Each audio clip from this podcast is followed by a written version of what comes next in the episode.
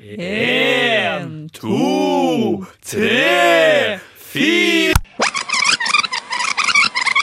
Topp 100! Filmofil presenterer tiårets beste filmer.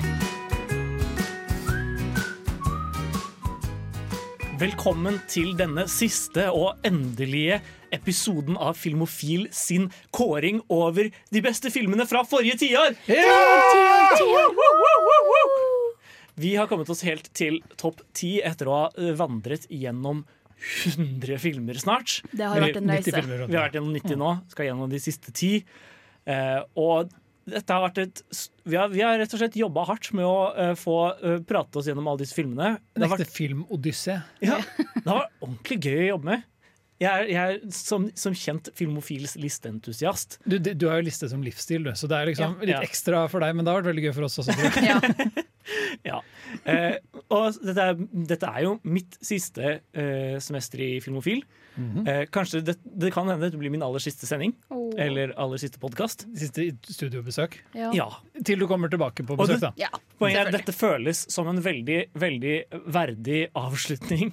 Med liksom eh, av, av, eh, slutten på en epoke. Ja, Det er jo slutten på et tiår, Ja. eh, veldig bokstavelig talt. Mm. Og dette var jo ditt prosjekt, eller du innsett til prosjektet. ja. Så det har jo det du, har vært på, du har vært størst pådriver. Det er din absolutt. hjertesak. Det er mitt, mitt hjertebarn. Ja. Um, men med meg i studio for å diskutere denne topp ti-lista, så har jeg på teknikk. Jaran, Og vi har også fått med oss Mina! Og jeg heter August. Og skal vi bare måke på med plass nummer ti, eller? make på. På plass nummer ti så finner vi 'Arrival' av Denis Villeneuve. Mener du Arival? Nei, jeg mener ikke Arrival. Uh, fun fact, det, det, eh, ABBA har et album som heter Arrival. Ja. Um, og, eller det, Arrival var i hvert fall det norske. Det det albumet ble kalt i Norge hvorfor da det kom på 70-tallet. Hvorfor er de ikke brukt det som musikk til Arival av Denis Villeneuve i stedet for uh, musikken til han Nå glemte jeg hva han heter. Johansson? Uh, Ja, det var Er det han som er kanskje- Ja, det var, jeg tror det var Johansson. Eh, vi får se, vi finner ut av det i løpet av filmpraten. Vi finner ut av i løpet av filmpraten. Jeg syns det er skikkelig deilig at vi har med Ar Arrival på den lista, for eh, jeg anmeldte den Ja. under mitt første semester i Filmofil. Oh, nå har vi snakket, apropos full sirkel. Ja. Ja. Og eh, jeg husker det- det semesteret så anmeldte jeg ganske mange filmer, og det var egentlig ingen jeg liksom elsket. Og så kom Arrival, og jeg, jeg var så over meg. Det var for en gangs skyld en film som jeg på en måte kunne, kunne skrive en sånn Det er deilig å skrive en anmeldelse hvor du virkelig elsker noe. Ja. Og, og denne var liksom erkeeksempel på det. Nydelig. Det er jo et, en helt fantastisk film, og jeg tror det er øh, Selv om det kanskje ikke er selv om Denis Villeneuve har filmer som er mer visuelt imponerende enn Arrival på Mm. mange måter, i hvert fall mye mer sånn tydelig out there, så er det Jeg bare elsker manuset til Arrival. Det er helt utrolig. Jeg synes det er Det er alt jeg vil ha i en science fiction-film. Mm. Uh, særlig med tanke på hvor jordnær den er. For plottet er jo at uh, um, Jessica Chastain nei, nei. nei. Nei, jeg blander de hver gang! Ja. Amy Adams. Amy Adams. Mm. Uh, hun uh, Jesus, det kommer aldri til å slutte. Um, hun er en lingvist Mm. som uh, Åpningsscenen er så gøyal, fordi hun står opp, og så er det den greia som er på sånn Det er det som skjer i Independence Day også. Den derre står opp og Will Smith er sånn Å, hva er denne lyden? Kanskje det er et jordskjelv? Skjønner du? Bare sånn, Ja. Det er noe på nyhetene, de prater om jordskjelvet på nyhetene, whatever, og så viser det seg at det er et romskip. Oi. Uh, men det er litt en greia hun står opp og bare liksom starter sin daglige rutine, og så ser vi hele tiden folk driver og reagerer på noe i bakgrunnen. Hun er så veldig i sin egen verden. Men så viser det da at romskip har landet på uh, Romskip har ankommet. Arrived. Yes. Uh, og, og alle er litt sånn Hva er det som skjer? Hva er disse store, rare eggformede romskipene? Og de har bare landet sånn, ikke i en storby eller noe, bare sånn ute i ingenmannsland, Mm. uh, på en slette. Og så blir hun tilkalt, da, fordi uh, en av de store tingene er at man, hvordan skal vi kommunisere med romvesenet? Mm. Og det er på en måte det store spørsmålet her er hva vil de, og hvordan prater vi med de? Mm. Uh, og så er det en hel haug med sånn, hun blir brakt ut til denne basen, det er masse rutiner, hvordan myndighetene har reagert, det er global politikk spiller inn dette. På et visst tidspunkt så får mennesker lov til å komme inn i romskipet, Oh. og så dukker romvesenet opp som en slags sånn, gjennom en slags sånn skjerm, på en måte, Ja. og forsøker å kommunisere. Er de fiendtlige? Hva prøver de å si? Hvorfor har de ikke gjort noe fiendtlig i så fall? Og hvordan skal vi tolke språket deres? Og det er hele um, altså, Premisset. Ja, premisset for filmen. Det er Ja. det det handler om. Og det syns jeg er så deilig. At det, den har den tilnærmingen til romvesener. Mm. Når det kommer en stor lakkerol og lander over eh, byen din eller uh, Mm. nabosletta, skulle til, så Ja. ja, de angriper ikke. De er bare Hei, vi skal chille. Det, det er det de sier. Ja. Netflix and chill, eller? Ha, det romvesenet prøvde å si, viser deg på slutten, er at de spurte har dere noe weed. Ja, Eh. der har du det. Ja. Og av bare sånn ja, dude. Å nei, nå ser jeg for meg sånn Seth, uh, Seth Rogan, James Franco-versjonen Versjon, Det er egentlig bare Paul, det. Uh, Simon Pegg. Ja. Men du utelater noe eh, vesentlig i dette, eh, denne handlingsoppsummeringen, som er at filmen dette, dette er jo en måte, eller du nevnte som første scenen, er egentlig andre scenen. Ja. Det første som skjer, er jo at vi ser Amy Adams eh, miste datteren sin Mm. Ja. til eh, eh, kreft. Ja. Så man tolker på en måte hele tiden at hun er i dyp sorg. Mm. Og at det er derfor på en måte, det ikke helt går opp for henne, alt som skjer rundt henne. Mm. Det er det som er vanskelig med å bringe inn det andre blått-elementet. Mm. Fordi det er på en måte en massiv spoiler for Arrival. Ja, jeg tenker Kanskje vi skal la være å gjøre det? Eller Det er, samtidig så er det det som er det mest fascinerende ved filmen. Ja. Fordi uh, Ok, La oss bare erklære at det blir spoilers for Arrival i denne filmen. Ja. Så, eh, så hvis du ikke har sett den, så spol fremover. fremover. eller, eller hør på oss prate om den, fordi det tar ikke bort Mm. fra filmen. Arrival Nei. er en film som er like god på gjensyn som den er uten å ha sett den først. Eller sett uh, podkasten på pause akkurat nå, se den og kom tilbake. Det kan du si. Ja, det, er så mange, det er så mange alternativer. Én, to, tre, pause. Nå. Og der var vi tilbake. Ja, der var vi tilbake. For eh, det var min mor som, som eh, Eller jeg ba mamma dra og se denne på kino, Mm. og hun sa, eh, sa så fint at for det, for det viser seg jo at dette ikke skjer før, men etter. Ja, Eh, det viser seg at tid ikke flytter lineært mm. i Arrival. Så vi begynner egentlig med noe som skjer etter hele resten. Eller Mm. så den sekvensen hvor datteren eh, dør, viser seg å være helt på slutten, Egentlig etter at filmen er ferdig. etter at filmen er ferdig. Ja. Og mamma sa så fint at jeg trodde hele tiden hun var i sorg, men så var hun jo bare nerd. jeg syns det var så fint. Mm. I Mediums prestasjon oppsummert der, altså. Ja. Ja. Hun er lei seg fordi hun er nerd. Ja. Mm. er Eh, lov. men vet du? Det, det er litt riktig, det, egentlig. ja. Og når, under dette oppholdet i militærbasen så møter hun Jeremy Renner. Ja. Og så viser det seg at eh, disse alienene sitt språk ikke er eh, Du, du opererer ikke med den, en grammatisk struktur vi kan kjenne igjen. Nei, det, det, det går, foregår ikke lineært i tid. Mm. Så De man- bruker på en måte bare uh, ord eller symboler for å indikere ting. Mm. ja, det hun som sa kan ha var, meninger, Se for deg ja. at du skriver en setning som fra foran og bak samtidig. Ja. ja. det er på en måte illustrasjonen hennes. Og så eh, prøver filmen å snakke om det interessant, som er på en måte sammenstillingen av eh, Eller hvordan språk påvirker måten vi ser på verden på. Mm. Ja. Dette er jo en aktiv teori som handler om for eksempel, Det er så enkelt som at folk som snakker flere språk, har uh, en mye høyere hjerneka eller hjernekapasitet, men det er på en måte De har større syn på verden, de har mer begrep Ja. og bruk for forskjellige ting. Språket vårt Mm. utvider eller setter begrensninger for opplevelsen vår av verden. Det setter i hvert fall begrensninger for hvordan vi kan uttrykke oss om det vi opplever. Ja. Og hvordan vi kan tolke det vi opplever. Så det gir på en måte veldig mening. Og det å da introdusere en ikke-linjær forståelse av tid i språk, det er så utrolig abstrakt. Mm. Og det at filmen klarer å kommunisere det på en måte som innen den er ferdig, så er det vel sånn Den klarer å f få deg til å forstå det. Hvordan, Ja. det ville, hvordan det ville oppleves, og hva ramifikasjonene av noe sånt potensielt kan være. da. Mm. Så i, i takt med at hun lærer seg mer og mer av dette språket, så får hun større og så, så endrer hennes opplevelse av tid seg. Men det blir aldri en sånn gimmick Det kunne blitt en sånn en twist hvor hun da ser litt inn i fremtiden og sånn 'Å, jeg må stoppe dette fra å skje før det skjer', eller Ja. Skjønner du? Men det, det handler Inception av tid beveger seg rundt Ja, noe jeg mistenker er litt det Christopher Nolans Tenant kommer til å handle om. Ja. Men, men uh, det blir ikke det, for det handler mer om at det blir en måte for karakteren hennes å vokse på. Mm. Mens det som eventuelt skjer av spenningssekvenser, er veldig lineært Mm. og veldig lett uh, sånn enkelt i måten det bygges på. Mm. Og med det så avdekkes det på en måte at hun har et At hun i forkant vet at datteren hennes, som hun ikke har født ennå, kommer til å dø. Og at ektemannen som hun forelsker seg i, ikke kommer til å være med henne resten av livet. på en måte. Mm. Ja. Hun innser at alle, alle forholdene hun begynner nå, kommer til å ende på en måte som vil skade henne, Ja. men at de er fortsatt verdt å ha. Mm. Og Så det er på en måte en eh, det, det er, den, den har én veldig betydelig sånn filosofisk del, som går på funksjonen av språk.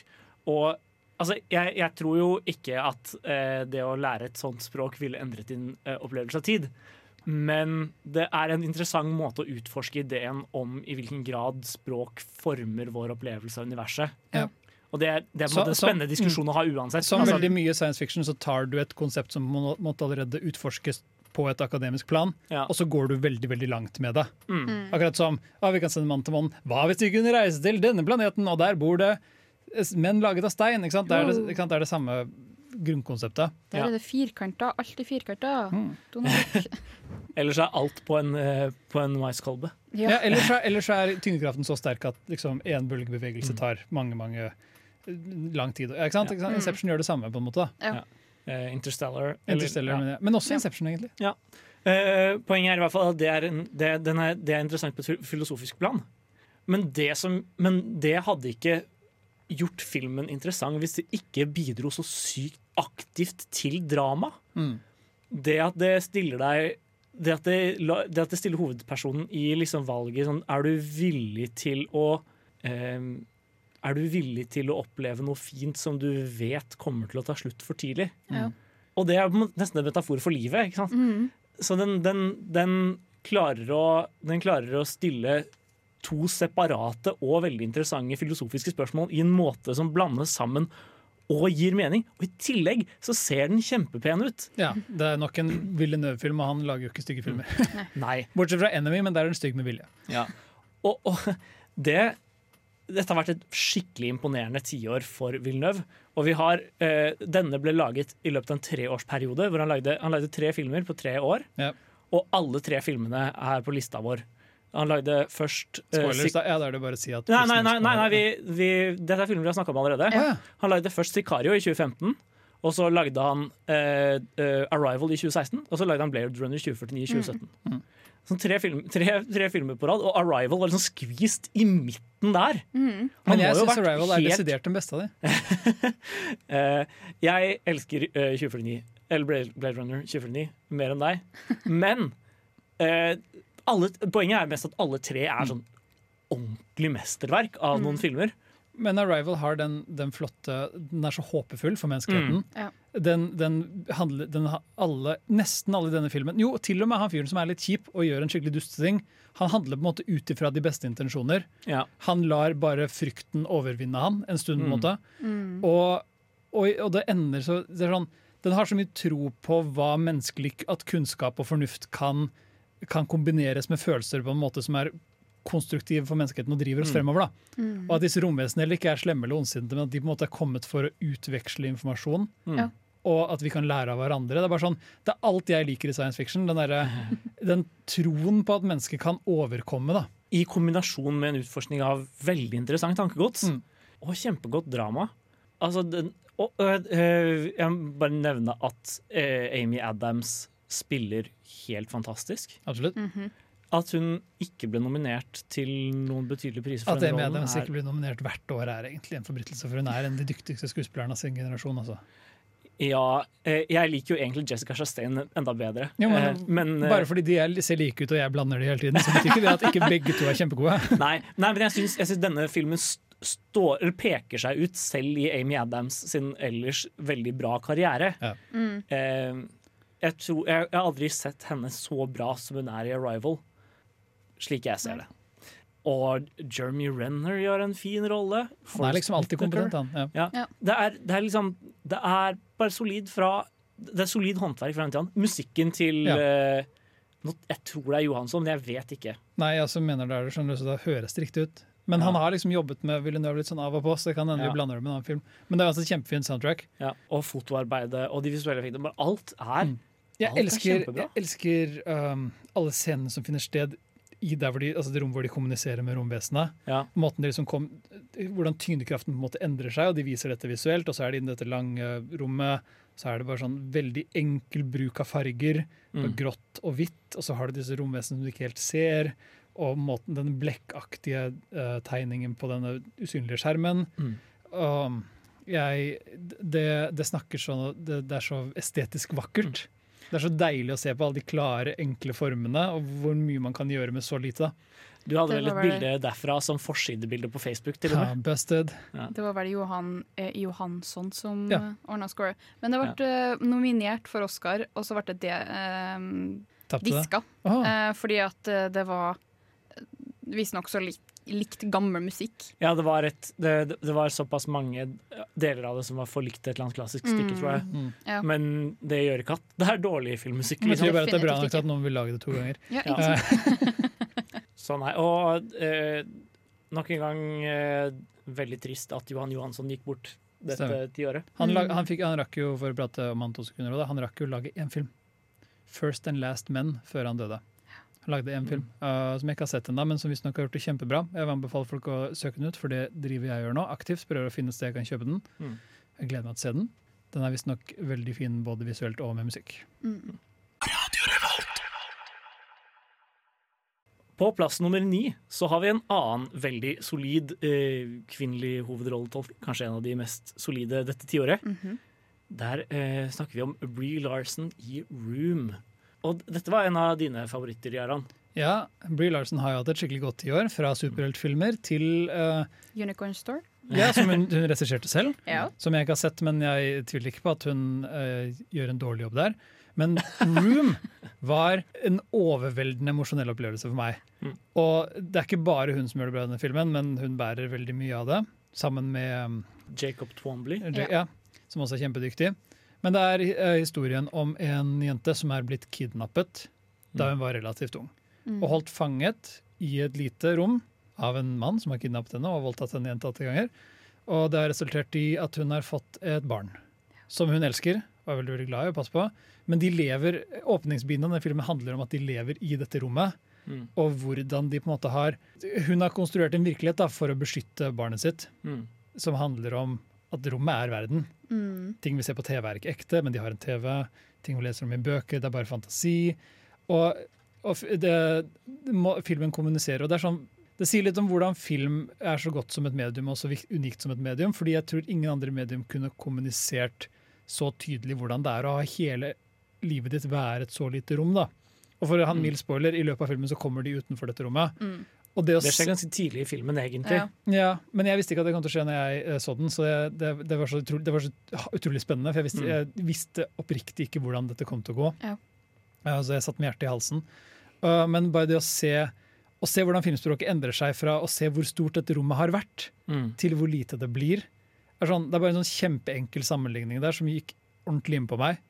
Jeg har ingen forutsetninger for å forstå hvordan det er å være kidnappet og holdt fanget i mange år. Mm. Men jeg klarte, jeg klarte virkelig å, å føle med det. Mm. Og det, og det, det, det sto veldig mye på uh, rolleprestasjonene i filmen, men også bare hvordan den kommuniserte det. Jeg synes det er en eh, det, Du er garantert å grine i løpet av Room. Mm. Nei, jeg gjorde det ikke. Nei, ikke?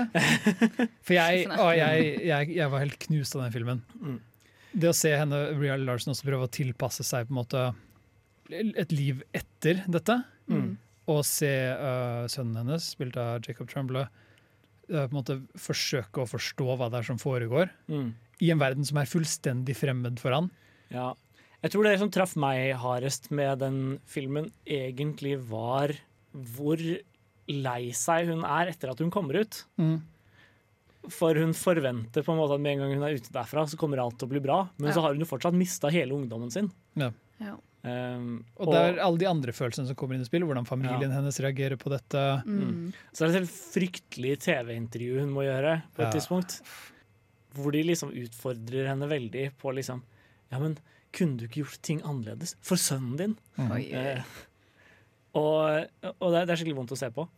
Um, Det er noe med at en slags sånn Stockholm-syndrom-effekt hvor i det rommet så har hun hatt mulighet til å kontrollere alt. Ja. Mm.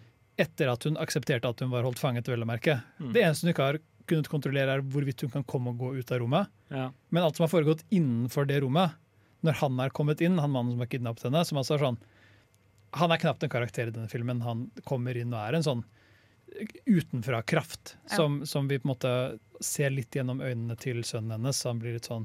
Gjemmer han i et skap. Ikke kom, ikke se på når han er her. Liksom vil, hun prøver å bare holde han skjult. Eller ikke skjult, men trygg. Så hun, hun, har så, hun har på en måte fullstendig kontroll over rutinene i det rommet. Mm. Alt utenfor det blir så kaotisk å vende tilbake til. Og så utrolig intense inntrykk. Ja. Jeg har ikke sett den filmen her ennå, jeg har bare sett traileren. Ja. Uh, men det er bare fremføringa til Bree Larson. Hun er en så fantastisk skuespiller. Jeg tror du hadde likt denne filmen kjempegodt, Mina. Ja, jeg har veldig lyst til å se den, jeg har bare ikke kommet meg rundt til det. Nei, Det er utvilsomt den uh, beste prestasjonen jeg har sett henne gjøre. Og hun, Mm. er, hun viser virkelig den er så, Hun er så ja, Den bæres av henne. da Hun er så down to earth, så utrolig Mm. grounded. Og har så utrolig utrolig mye emosjonell dybde i den filmen, som Mm. traff meg veldig veldig godt. da Ja. Det er uten tvil den, en veldig sånn lineær og enkel måte Mm. fortelling. Mm. Men du blir så følelsesmessig investert. Samspillet mellom henne og moren er også veldig godt. Stemmer det? De har ordentlig For de blir på en måte eh, De ender opp med å gå litt til angrep på hverandre, sånn som man ville gjort hvis man var eh, tenåring. Ja. Og hun har på en måte ikke helt fått komme videre derfra.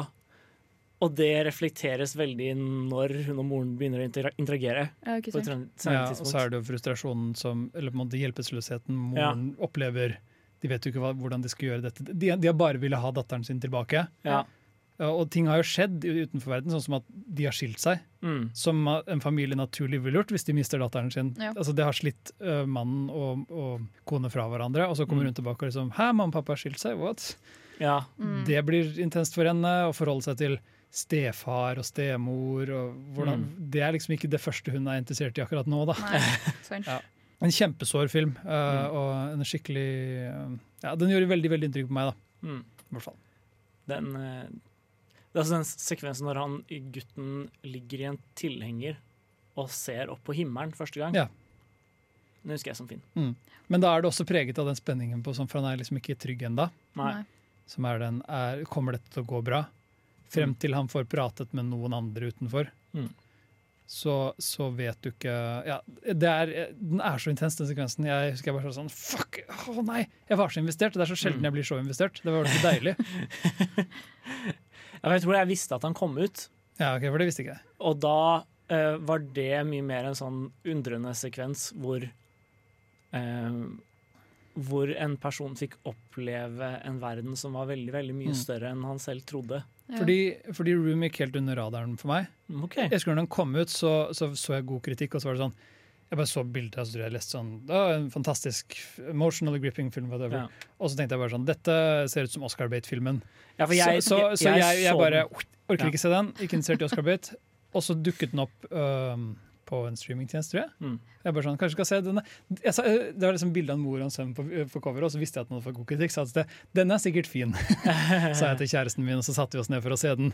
Og vi gråt og vi gråt og vi gråt. og vi gråt. Ja. Ja, for jeg så den på kino for å være klar til Oscarsesongen. Mm. Så jeg så den veldig i, det, i den settingen. Og jeg tror det nok trakk inntrykket mitt av filmen litt ned, egentlig. Fordi eh, jeg tror kanskje det var noe med Den er, den er god på å skildre eh, det den prøver å skildre, men den har generelt litt sånn in, eh, 2010-talls indiefilm-visualitet. Mm. Ja, det er, du, Um, men du kommer ikke der for å se på en måte den være uh, de, den høytflygende øh, som du sier da, visualiteten. Nei, Men det, du må også passe deg for hvor jeg- smakløst det kan bli å lage en, en slags Gus Van Sant-opplevelse ut av dette. Jeg syns Elephant er fantastisk, men jeg vet at vi er uenige der. Den er så smakløs. Det er en av de kvalmeste øvelsene i altså Det er bare fullstendig fravær av selvinnsikt og, og patos og etos og alt i, i Elephant. Oh boy! Mm. Snakk om å være full av seg sjæl. For min del så tror jeg det gjorde at Jeg vet ikke, jeg, jeg tror kanskje jeg hadde Jeg tror kanskje jeg hadde litt Jeg hadde på en måte høyere forventninger til Ja. drama, eh, men samtidig gikk jeg også inn med en litt sånn ja, dette kommer til å være den Oscar- Oscar-bait-filmen. Mm. Og jeg tror det i sum gjorde at jeg liksom vet ikke. Jeg var sikkert ikke så åpen for den som jeg kunne vært. da Jeg er glad for at jeg fikk uh, Room in her. Ikke fordi den nødvendigvis er den beste lagde filmen, men fordi den resonnerte så hardt ved meg. Det er det som er det viktigste, tross alt. tross alt. På plass nummer åtte så har vi en film som resonnerte veldig hardt med meg. Eh, det er rett og slett Scott Pilgrim versus The World. Og jeg tror grunnen til at jeg liker Scott Pilgrim så utrolig godt, bortsett fra at den er bare morsom og leker med stil, Ja. er at den jeg, jeg, jeg kjenner meg så veldig igjen i Scott på alle de verste måtene.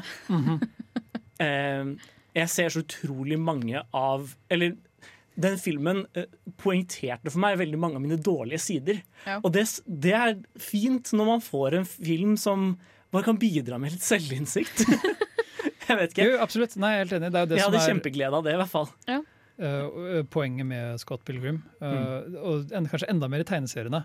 Er mye mer aktivt ute etter å på en måte bryte ned en del av Eller å angripe en del av de sånn negative personlighetstrekkene man legger til seg som man av og til tror man er litt unik for, hvis du jeg mener. Ja. Mm. Når man er en Man ung mann. Ja, når Ja. man skal være en manic pixie guy. Ja. Uh, som, men så er man egentlig ikke det. Nei. Man er egentlig bare litt drittsekk. Mm.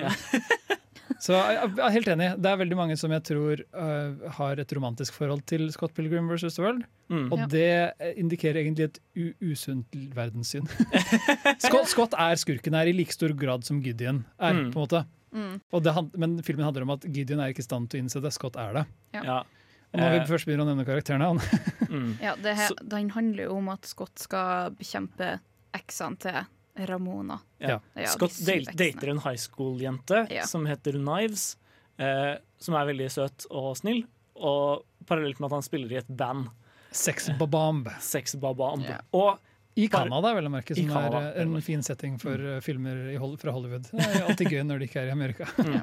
i hvert fall mens han Og det er veldig tydelig at han gjør dette mest fordi han ikke har kommet over et tidligere Eller det er, mest, det er tydelig at han dater denne high school-jenta fordi han ikke har kommet over et tidligere brudd. Han er Ja. veldig sånn emosjonelt eh, eh, konstipert, eller sånn forstoppet. Ja. Og, og litt sånn Arrested Development. Han klarer ikke helt å, å gå videre. Mm. Ja. Um, I hvert fall på et tidspunkt så møter han en annen jente som heter Ramona. Som han har Ja. sett i en drøm. Ja, som, ser, som ser litt ut som Kate Winslet i, uh, i um, Eternal, Eternal Sunshine of the Spotless Mind. Ja. Hun har den derre Manic Pixie Dream Girl-looken de Ja. luxe. ja, Spilt av Mary Elizabeth eh, Winstead, som Mm. er nydelig Ja. i ehm, Nå, nå gjør Mina sånn pistoler med hendene. Ja. Gjett hvilken film Mina tenker på nå! Er det, Harley Quinn. Ja, jeg skulle si Birds Ja. of Prey. Hun var jo Ja. med i den, ja. Mm. Mm. Den så jeg aldri. Men, den, eh, men hun er sikkert dyktig. Hun, hun Hun er er ikke så verst. like nydelig i den filmen som hun er i Men er, er, er eh, parykkene hennes like dårlige i den som Nei, de er i har Scott Pilgrim? Hun har sitt eget hår. Så deilig for henne, fordi de parykkene Oh boy!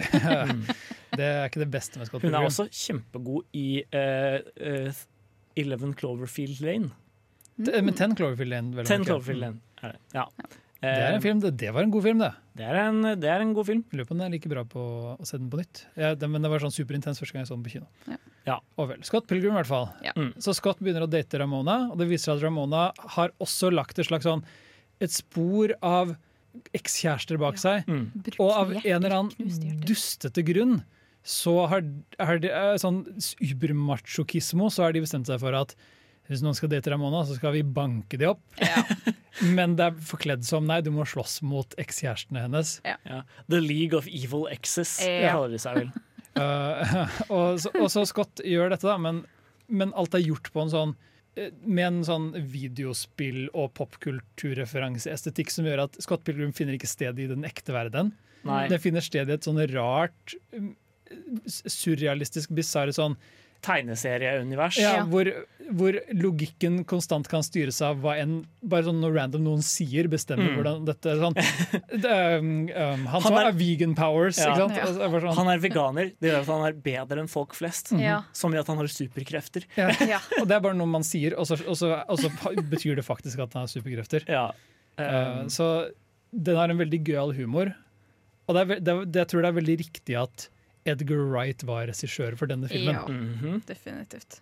jeg tror ikke den ville blitt like bra med en annen regissør. Se for deg Christopher, eh, Christopher Nolan som regissør for den her. Uh, Ja, For Edgar Wright vet å leke seg med Eller han- han vet å bruke visualiteten til å skape humor. Ja. Mm. Og denne filmen er så morsom. Uh, den uh, Den har sånne visuelle Eller den har, den har gags hele tiden som bare går på sånn Oi, nå hadde de en rar scene transition. Eller sånn Å, noen banker på døra. Hå! Ja. Det det Altså, beste med hele filmen. Det øyeblikket hvor han stuper ut dør. Ja. Eh, og så har de også med han eh, ene Eller han også en eh, herlig roommate, spilt av han ene fra Alene hjemme. Uh, Ja, er eh, Culkin, Kian, Kier- Kieran Culkin. Ja. Ja. Ja. Ehm, som, som er uh, Gay. som er homofil og alltid uh, bitcher til søstera hans uh, hver, gang han, hver gang Scott gjør noe dumt. Spilte Anna Ja. Kendrick, faktisk. Yes. Anna sånn Kendrick er sånn walk-on-cameo fra Ja. Anna Kendrick jevnlig i løpet av filmen. Mm. Det er faktisk så bra. Det er så mange bra skuespillere. Du har May Whitman, du har Bree Larsen er med her. Ja, stemmer. Er, eh, Envy var mitt Ja. første møte med Bree Larson. Yeah. Det er så en- eh, Brie Larson spiller Envy, som er eksen til Scott. mhm. Envy Men- Adams. Også eksen til Ramona. Eh, nei, hun er sammen med Todd, som Ja, er, stemmer. eh, Han er eksen til Ramona. som er vegan, og han er eksen til Ramona. Så vi skjønner at det er samme eks. Chris uh, Evans, det var, det var ikke mitt første møte med Chris Evans, men jeg glemmer jevnlig at han var med i Fantastic Four-filmene, så det føles som mitt Ja. første møte med Chris Evans. Ja. Um, så masse gøyale skuespillere som, Jason er, Schwartzman. Yeah. som er veldig, veldig god. Han er ikke, han er ikke bare morsom, men han er god, liksom. Ja. Han, han gir masse sånn ekkelhet Ja. til, til eh, Gideon. Ja. Som, så når du ser den, så er det sånn Mm. Er det Jason Schwartzman? Klarer han å være så kvalm? Det er kjempegøy. For han er vanligvis veldig søt i alle filmene han er med i. Han er ofte mye sånn, sånn awkward bumbling. eh, Ja. Han, ville, han kunne vært et like naturlig valg for Scott som Michael Cera til en viss grad. Ja. Mm. De, kunne, de kunne vært Nei, de kunne ikke vært bytta. Jeg tror ikke Scott klarer å spille On. Nei, jeg tror, Eller jeg tror ikke Michael Cera Cera, jeg, jeg det. Men der ser du hvor, hvor, hvor ikonisk han ble som Scott for deg. For han, Ja, ja, Det var virkelig også en veldig god casting av Michael Cera. Ja. Definitivt. Han er jo adorkable de luxe, og det, er liksom, det, det, det trenger den karakteren. Mm. Han må være både søt, men, eh, men også veldig dork. Mm. Jeg, vet ikke, jeg, jeg tror det som jeg tror noe av det som treffer meg med denne, er på en måte hvor eh, Hvor mye du kan ende opp med å såre folk ved bare å være litt apatisk. Ja. Han får f.eks. beskjed fra roomien sin om at han må slå opp med knives hvis han skal begynne å date Ramona på ordentlig. Han kan ikke drive og date begge to samtidig. Ja. Og Scott sin reaksjon er bare But it's hard! og det er, så, det er så mye sannhet i det, da. Hvor mye, og, og, og det ender jo med at han virkelig sårer Knives. Mm. Ja. Bare i kraft av at han ikke, ikke orker å slå opp med henne tidligere. Ja. Og det er en sånn jeg vet ikke, det er en, det er en situasjon jeg kan relatere litt til. Det å bare ikke, det å bare ikke tørre å slå opp, liksom. Ja. Uh, vet ikke. Og ja, han har, har også et veldig morsomt forhold til uh, hun som spiller trommer i bandet. Ja. De har tydeligvis hatt en greie en gang, og Scott har vært skikkelig dust mot henne. Det er aldri sagt tydelig hva han gjorde. Det er bare tydelig at hun hater han like mye som hun hater resten av verden på det tidspunktet. Ja. Um, Det er en veldig sånn øh, Det er noe med hvor de er i livet sitt alle sammen, mm, Mm. som man kanskje kan kjenne seg litt igjen i. Og jeg, jeg tror Scott Pilgrim øh, det, er- altså Alle karakterene der har på en måte sine feil. Ja. Men filmen eller verket, tegneserien, for den saks skyld, handler så mye om som du sier, å ta et oppgjør med det. På en måte som alltid er leken og gøyal. Jeg tror det jeg liker minst med filmen, er hvordan uh, Negascott, Scotts onde tvilling, introduseres på slutten av filmen. Og så er det sånn Scott er sånn, nå må jeg slåss mot Nega-Scott'. Og så blir de venner i stedet.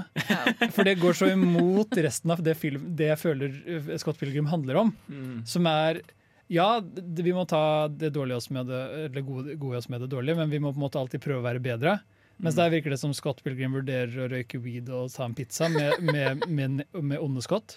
Men Mens i tegneserien så gjør han ikke det. på en måte Der er det veldig sånn sort-hvitt. Tydelig. Ja Jeg har kanskje ikke så stort problem med akkurat den sekvensen. Det jeg kanskje er litt mer skeptisk til, er at han, er at han på slutten av filmen ender opp sammen med Ramona. Jo, men det er fordi Ramona også har vokst som person i løpet av filmen. Hun har jo også på en måte lært noe om seg selv. Mm. Og begge to er klar, ikke, ikke for å si at vi er rett for hverandre, men for å prøve på nytt. Ja. Mer enn noe annet. Og så har du på en måte en usikker framtid foran seg. Ja, jeg bare eh, tror Eller jeg, det er en del av Scott sin utvikling jeg kan kjenne meg mindre igjen i. da Nei, ja, Um, ok. Og jeg, jeg, jeg hadde Jeg tror jeg hadde hatt lettere for å liksom um, Jeg tror jeg hadde lettere for å akseptere den slutten hvis de bare bestemte seg for at OK, vi, Skal vi bare være venner, liksom? skal, vi, skal vi være venner, og så kan vi heller liksom prøve å finne ut av, finne ut av noe annet hver for oss. Men han har måttet slåss mot sju ekser! Han fortjener Jeg. Ja, Jo, men til slutt så er jo en del av leksa på en måte Ja, for det er det. Ja. Det, det er det at han, han skal ikke slåss for å vinne henne, han skal slåss for seg selv og ikke for andre. Ja. på en måte Og det må, og det må Ramona også lære. We are here to watch Scott Pilgrims kick ass and stuff. Ja, det er eh, slutten på film Og eh, hele, hele filmen er også veldig sånn dataspillaktig Ja. logikk. Eller det er, en, det er en sånn mash-up av stiler, fordi den har på en måte det er en filmadaptasjon av en tegneserie som har mange dataspillreferanser. Ja. Og filmen tar, blir dermed på en måte en slags film med tegneserieestetikk og dataspillelementer. Men den behandler alle disse referansene mye bedre enn noe sånt som Ready Player One, som også Ja, liksom ja, ja, ja. «Wow, dataspill, bla, bla, bla. Ja, Overwatch! Det var ikke en kritikk Ja. av filmen. Det, det funker kjempebra. Ja. Eh, det, det bidrar bare til en veldig leken eh, visuell estetikk, men Mm. eller, eller en leken både estetikk og historiefortelling. da. Men den er veldig eh, spesialeffektavhengig, og mye av de Mm. effektene gjør at når scener skal knyttes sammen ved hjelp av spesialeffekter, så tas jeg jevnlig ut av filmen. Så jeg liker Scott Pilgrim veldig godt, men jeg, når jeg sitter og ser på den, så er det litt sånn Wow, wow, wow hva var det? Liksom, what? Det, er, det er så mange sceneoverganger der som ser litt stygge ut. Ja. Synes jeg, Fordi det eldes dårlig, rett og slett. Ikke, ikke noe sånn, Jeg skjønner hva du prøvde på, det er morsomt, Mm. men jevnlig så blir jeg tatt ut av av bare det at CGI-en øh, er CGI. Og det er jo ikke filmens feil. Det, det, det var ingen bedre måte å gjøre det på. Nei. Det er heller bare noe med at jeg sliter med å følge med da. Jeg har ikke noe imot de sceneovergangene. Da blir jeg alltid glad. Hver gang det er en sånn dustete scene transition. Uh, Jeg syns at det gjør seg godt i Scott Pilgrim.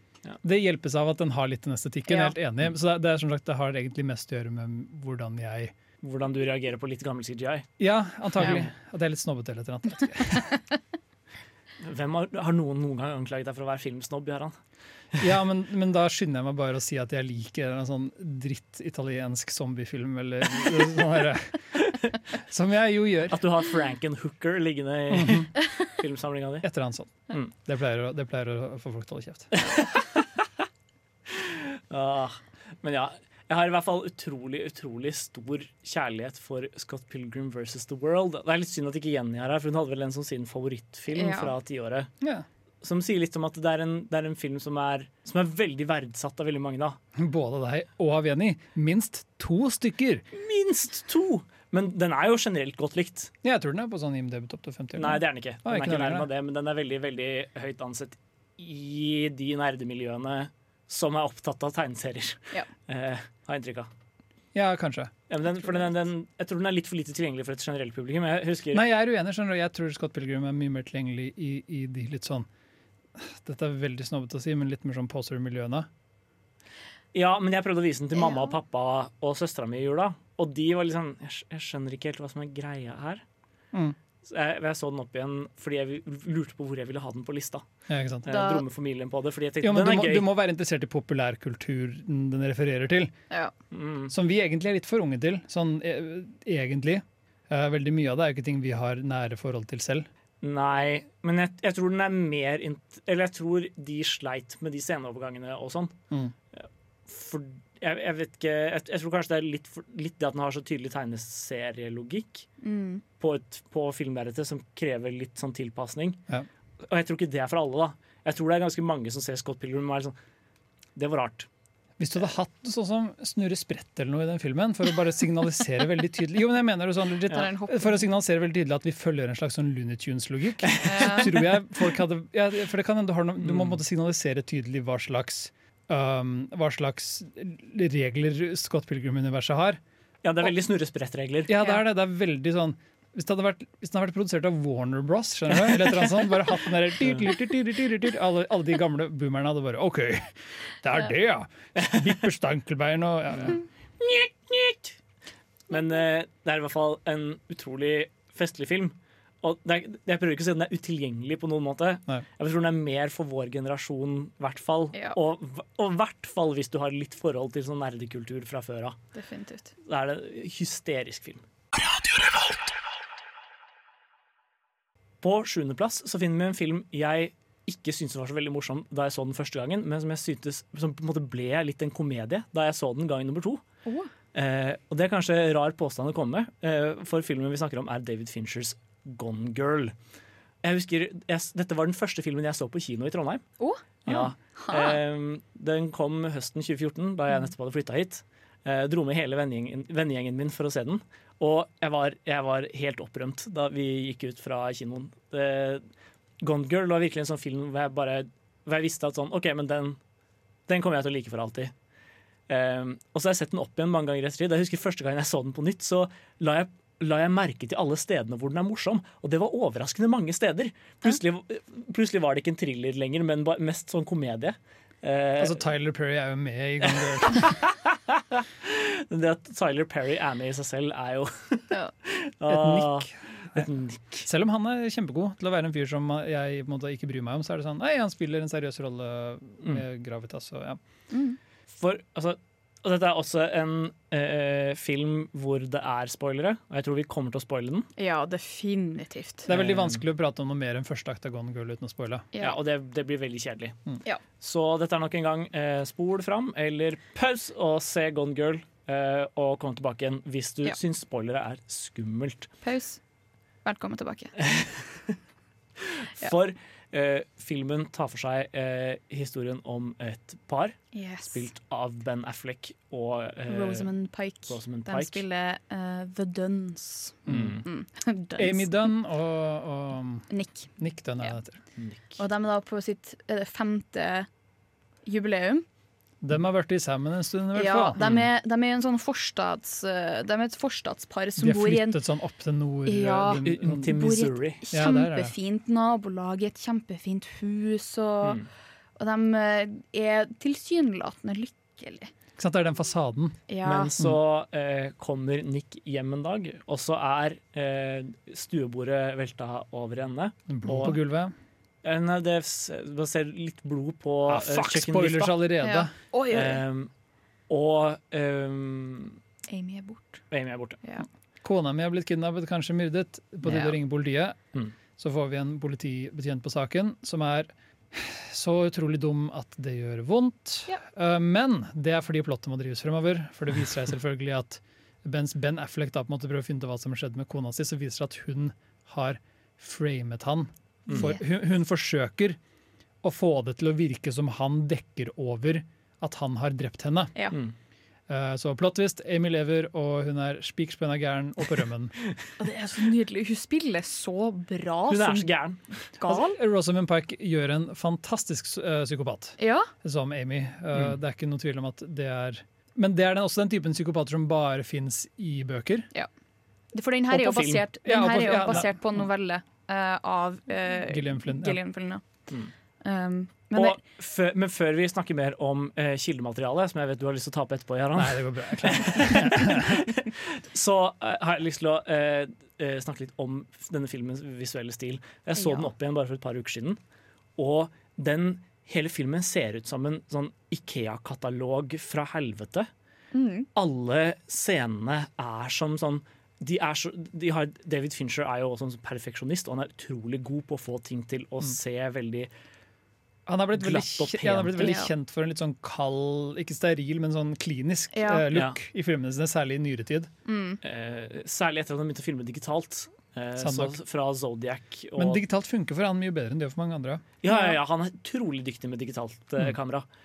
Um, Girl with the Dragon Tattoo er sånn bare polert ja, og kald og, og utrolig de slår ordentlig slag for The Girl with the Dragon Tattoo her også. Jeg tror jeg liker den bedre enn Gone Girl, men det er ikke så viktig. Mm. Ja.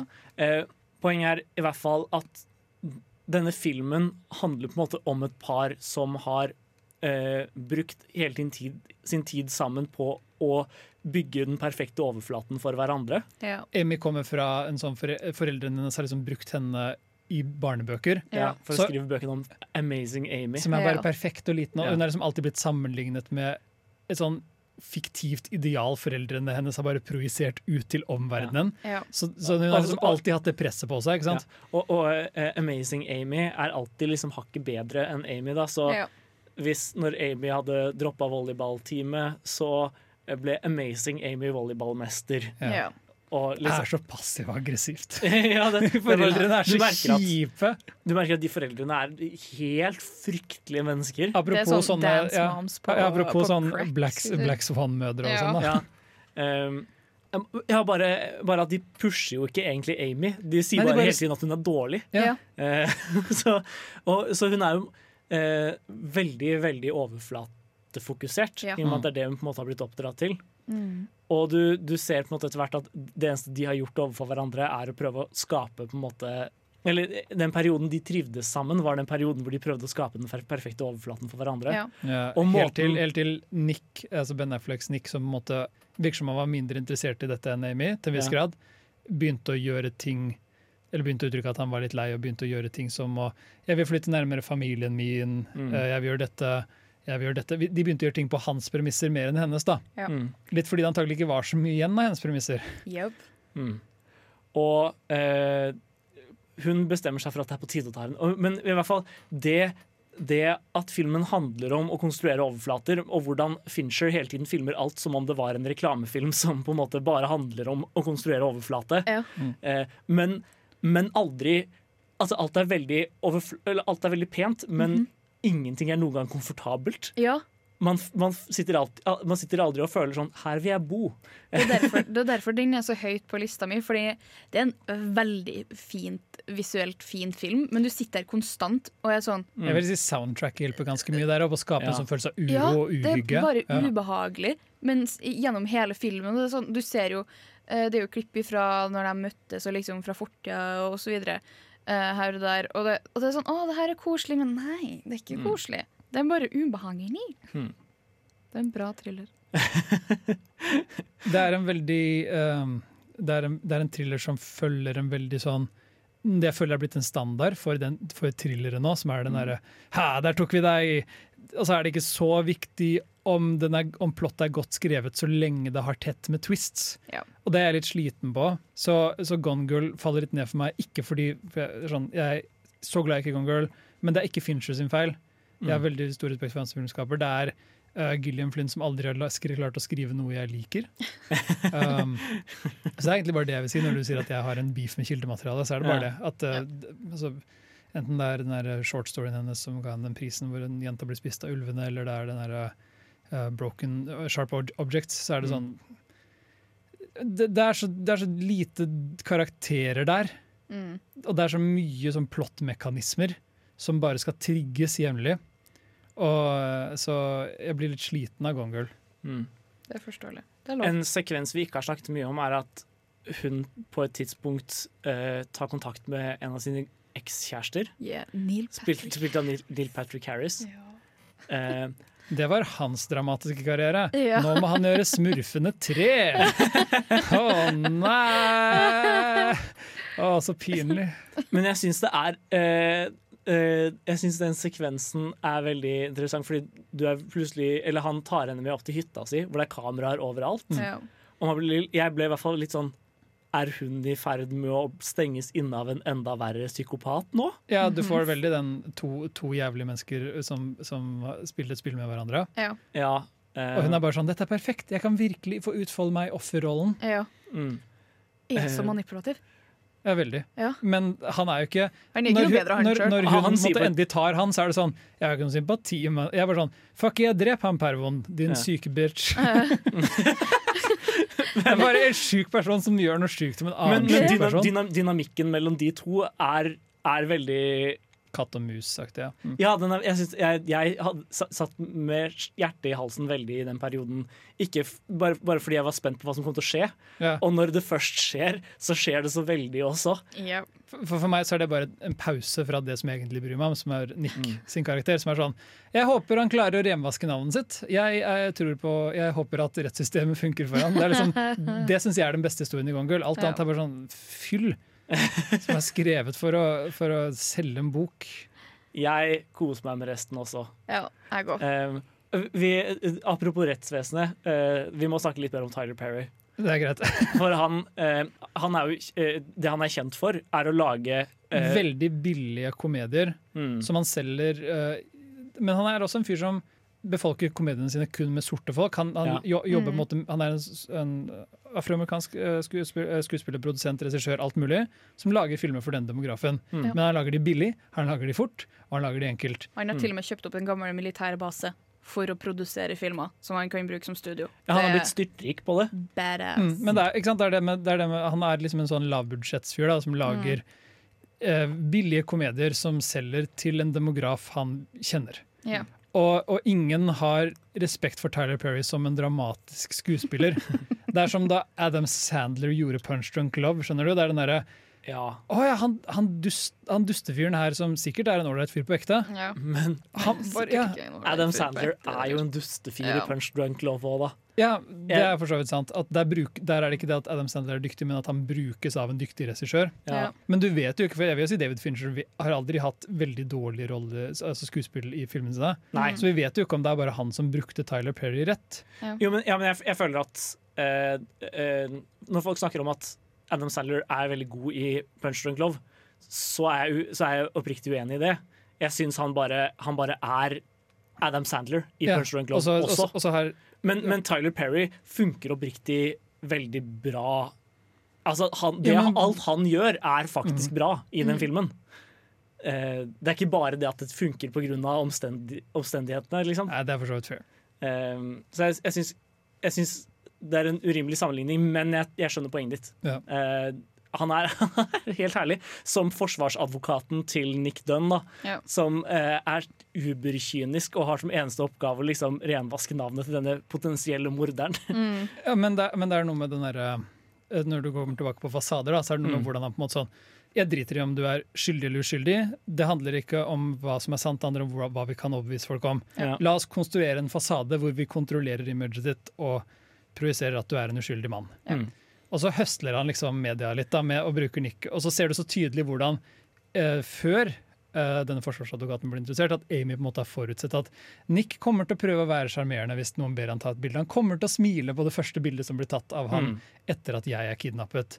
Så klart kommer folk til å bruke det mot han. Mhm. Trenger bare å få en eller annen sleazy filmen har så negativt syn på media, herregud. Mm. På hvordan de er eh, en sånn ekkel sånn bimbo news newspresenter bare Ja, hun eh, Missy Pyle. ja, Vi Ja. trenger bare å få én dame til å si noe negativt om han på, i media, så kommer alle til å tro at han er en konemorder. Og så Ja. er det akkurat så enkelt. Ja, altså den har, hun er jo den har- ganske smart, den hun har- Amy. Ja, altså, Hun er jo kjempe Hun er jo virkelig en mestermanipulatør i denne Mm. filmen. og, altså, jeg er enig i at filmen har et veldig grunt syn på media, mm -hmm. um, men det er, det er gøy òg, Ja. Altså, Det jeg, kommer jeg liker de, det kommer jeg liker de mye humor ja. ut av de sekvensene. Jeg Mm. liker, sånn, jeg liker sånn høstling. Det syns jeg er gøy. Og Tyler Perry Mm. høstler bra i denne filmen, så det setter jeg pris på. Ja. Så eh, overall så er det en film som er utrolig underholdende som thriller, men som også er, har overraskende mange bare morsomme sekvenser. Og jeg, vet ikke, jeg, jeg, jeg, jeg har sett Gone Girl i hvert fall fire ganger nå, og jeg har Mm. alltid kost meg. På sjetteplass har vi en ny film av Eller har vi, har vi en til film av Wes Anderson. Og hans sterkeste film dette tiåret, ifølge Filmofil, er Moonrise Kingdom. Og hvorfor ikke? Ja. Hvorfor ikke? Moonrise Kingdom er en så søt film. Dette, den, jeg tror jeg har den uh, på min topp tre. Liksom. Den Mm. er jeg, jeg blir alltid så lykkelig av å se den. Den er kjempefin. Når vi så den når vi så den på nytt, uh, vi Filmofil sammen Det Mm. Var en stund siden jeg hadde Det sett var den. i høst. Ja, okay. ok. Nei, så vi- jeg, så, jeg så den i hvert fall på nytt sammen med Jenny. Ja. Mm. Eh, og, og da, da satt jeg bare sånn Hva skal jeg gi minuspoeng for her, på en måte? Mm. Det er ikke det at eh, Moonrise Kingdom er det største og beste som har skjedd film, men det er sånn, det er ingenting galt. Nei. På noe tidspunkt i den filmen for meg så er bare alt fint. Alt er bra. Jeg liker alle bitene. Det er ing jeg klarer ikke å peke på noe i Moonrise Kingdom og si det kunne vært sånn eller sånn, eller det likte jeg ikke. Jeg bare liker hele filmen. Ja. Den men det er jo veldig sånn, den har det Wes Anderson-preget, da, med at den er ganske spesiell. Mm. Eh, Den er litt oppstilt. Ja. Eh, jeg likte det veldig godt, men det, liksom, det var ikke noe spesielt, følte jeg ikke. Den er veld, det er en veldig fin film, eh, som er veldig fint laga, men den er veldig Jeg føler den er veldig eh, teatralsk. Jo, men det, det er Det er jo som, som med- sier, det er litt av stilen. Ja. Og det er jo helt riktig at hvis du ikke liker den stilen Hvis du ikke så- liker Wes Anderson, så er det ikke så stort poeng å kritisere filmene til Wes Nei. Anderson for at de er Wes Andersonske. Men de er veldig nydelige. Ja. De er det. Og den er jo veldig søt fordi den er, den er sentrert rundt kanskje det yngste castet Wes Anderson har hatt. Mm. Uh, og den handler om Det er sånn som Rushmore, da, som også handler om en tenåringsgutt, som er en av Wes Andersons tidligere filmer. Mm. Uh, der er det på en måte veldig voksne følelser ute i spill. Han har kjær kjærlighetsrivalen til unge um, uh, Jason Schwartzman, Mm. er Bill Murray, som er liksom 60. Mens her så er det bare uh, det, er, det er på en liten øy Mm. uh, utenfor kysten til Maine eller et eller annet. Sånn. På 50-tallet. Ja. Ja, New sånn- England. Ja, ak akkurat det. Uh, Ja. Hvor en ung jente som bor der med familien sin, og en ung gutt som kommer dit på speiderleir, som har litt problemer hjemme, virker det som. Ja. De, han er, han er, øh, Ja, han er foreldreløs, ja. foreldreløs Ja. og bor i fosterhjem. Mm. de, de møtes blant alle de andre små dramaene som skjer på den øya. Mm. Og hun jenta syns foreldrene sine er teite, og han har syns fosterhjem er teit, eller hva enn der er han er i. Ja. Så de bestemmer seg for at de kan jo bare rømme sammen. For han har gått til speideren Ja. og fått uh, masse uh, life hacks. Og det er derfor du liker denne filmen, August, for du er sånn speidergutt. Ja, eh, vet du hva? Den, eh, den lokale speidergruppa på Lillehammer ble bedt om å være, være til stede under premieren på Moonrise Kingdom. Å, det har vært kjempesøtt, og så står alle de i speideruniformen sine foran Ja. kinoen. Og, ja. Eh, men jeg, jeg hadde egentlig tenkt å være med, men så kunne jeg ikke. Jeg var opptatt med et eller annet. Ja. Eh, men speiderlederen min sa etterpå Det var veldig dårlig skildring av speideren. Det var Speiderlederne hadde ikke kontroll på speiderbarna sine. Men det har Liksom. de ikke. Nei, men, Altså, eh, s- men jeg så den først eh, sånn et år etterpå. Eller noe sånt. Eh, Jeg så den i filmhistorie. Sånn, Ja. Siste forelesning i filmhistorie så sa foreleseren vår eh, nå skal vi se en film bare for å kose oss. Dette er ikke pensumrelevant i det hele tatt. Det er bare en bra film. mm. Vi skal se Moonrise Kingdom. Og jeg var sånn Speideren! um, men eh, men ja, det, det er- er ikke bare derfor jeg liker den. Den har veldig mye mer å by på. Den Eh. minner meg veldig om dere Det er en sånn gammel eh, det, En eller annen plass. Det, dere, En gammel plass. ja, det er ulve... Dere, det er sånn teaterfilm som er dere ulvene som danser, og så synger de, og så er det Snakker du, om, snakker du om den som går på NRK hver Ja. eh, Den derre eh, med Grim og Gru, Ja, eller hva den ja, heter? Rockeulven? Ja, rockeulven. derre Den minner gjenfortellingen av, av de små geitekillingene. Ja, den minner meg om den. Ja, den er jo også sånn oppstilt, mm. men det er jo fordi den er filmet på scene. Ja. Men det er litt den estetikken Wes Anderson prøver å gå for. Mm. Det er jo også en veldig veldig gøyal bit her i Moonrise Kingdom, hvor mot slutten av mot, filmens klimaks, Mm. hvor uh, det er noen barna på øya liksom, i den lokale kirken setter opp en eller annen versjon av sånn Noahs ark eller noe. Ja. Det er en stor ark der, og den, det ser ut som den cutouten av, av båten til Steve Sisu fra, fra Life Aquatic. Mm. Og alle barna i de dyrekostymene og sånn. Mhm. Og det er jo veldig veldig Ja. den looken da, med alle de dyrekostymene også. Ja. Men det er så Jeg liker det. Jeg liker den stilen, særlig med tanke på hvor gjennomført den er i, i Moonrise Kingdom. Mm. Den har biter som er sånn tegneserielogikk òg, hvor det er sånn et lyn slår ned i en gutt med, som holder et, et flagg eller en stang, eller noe sånt, og så blir han bare sånn, sånn stekt. Han blir liksom ikke, han blir ikke Han blir skada. svart i ansiktet, Ja. og så løper han videre. I sånn, litt sånn spolt opp fort-film. Er Ja. Veldig uh, gøyalt. Hva er det som skjer etter at disse har rømt hjemmefra? Eller rømt fra eh, hjemme slash speiderleir? Ja. Er at eh, de, de kommer seg til en sånn bukt han har funnet på kartet, Mm. Eh, hvor de liksom skal sette opp leir. Mens de lokale speiderguttene får i oppgave å spore dem opp. Mm. Eh, Og det- er fordi- og spilt, av en, spilt av en ung Lucas Hedges. Han er uh, hovedslemmingen blant de andre speiderbarna. Ja. Eh, Han er jo bare en dust, men uh, Mm. det er jo sånn, han er jo ikke slem, han er ikke slem, han er bare en dust. ja. Og så er det veldig tydelig at de har vært litt ekle med han, fordi Ja. han er litt annerledes og edgy og, og rar. Fordi Mm. han er foreldreløs sånn. Men det er sånn barn er. Ja. Og, men i hvert fall, på- de, de bestemmer seg for å spore han opp. Eller de, de får beskjed om å spore han opp, eh, og så spør Lucas Hedges sånn hvis han, gjør, hvis han gjør motstand, kan vi bruke vold mot han da? og han speil- speiderlederen, spilt av herlig Edward Norton, er sånn Nei! Dette er en redningsoperasjon. Vi skal ikke bruke vold. Og så driver man springer rundt med sånne små fot. Så, ja, er neste som som skjer, er, det som- skjer er han sier til de andre sånn But if he resists, I'm not, I'm not gonna be the one with that weapon. Og så ser du alle komme med sånne klubber fulle av spiker. Og, Litt armbrøst og en liten rifle og sånn, ja. Ja. Det er jo Som plot twist så viser det seg at hun jenta stabber en av de med, med, left, eller med venstrehåndssaks. Ja. så, så, så, så ja. Men i hvert fall, de kommer seg til eh, denne bukta, Eh, blir etter hvert funnet og tatt med til den større speiderleiren. ja, som Harvey Keitel driver. ja. Så, så du, du, du har en, en sekvens uh, i den store leiren med Harvey Keitel, hvor han trakasserer Edward Norton for å være en dårlig Edward Norton vil bare, speiderleder. Han, han har så mye respekt for han. Han er, Ja. han er som en litt sånn gutt når han vet at han skal møte eh, Harvey Keitel. Sånn, Ja. å shit, Mm. storspeideren!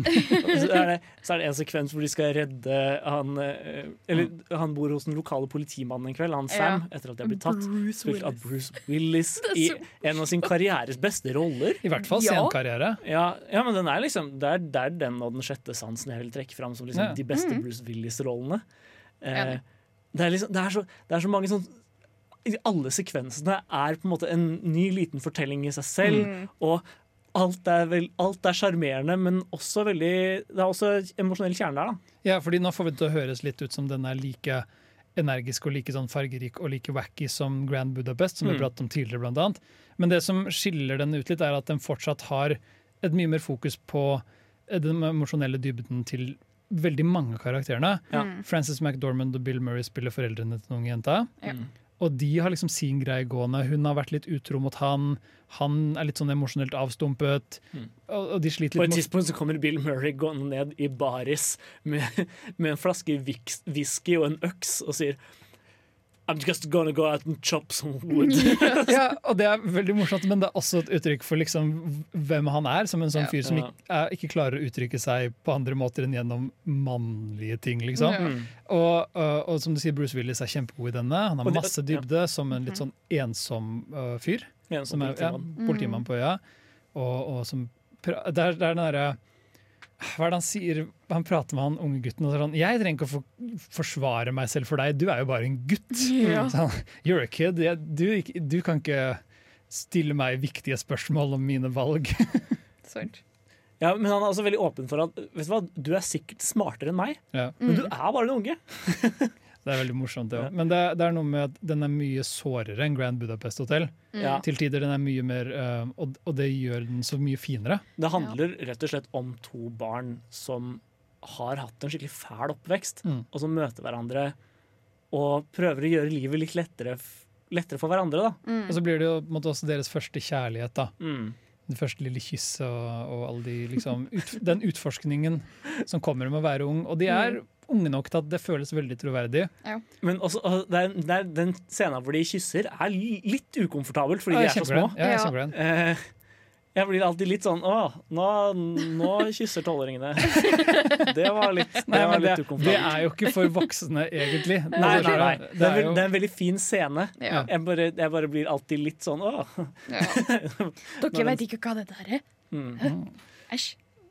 Ja, men da er du akkurat som alle de andre voksne August, som bare Ja. ikke forstår disse barna. nei. Akkurat. Og de, er, de to er så utrolig, utrolig skjønne. Ja. Um, hun uh, blir, eh, spilles av Cara Hayward, og hun var også med i Manchester by the Sea. Ja, stemmer det. Ja. Manchester by the Sea hadde en sånn uh, De dro plutselig med seg både, både Lucas henne Hedges og Lucas også, ja. Hedges. Eh, jeg synes det var Men også Casey Affleck, så uh, Nei, uff da. Men, eh, men jeg husker jeg synes det var veldig morsomt å se begge de to i den, eh, i den filmen. Mm. Um, og jeg vet ikke, samspillet mellom de som to bare skikkelig misfits funker veldig bra. Um, Det er jo der det er det Wes Anderson har et softspot for, så Mm. veldig tydelig.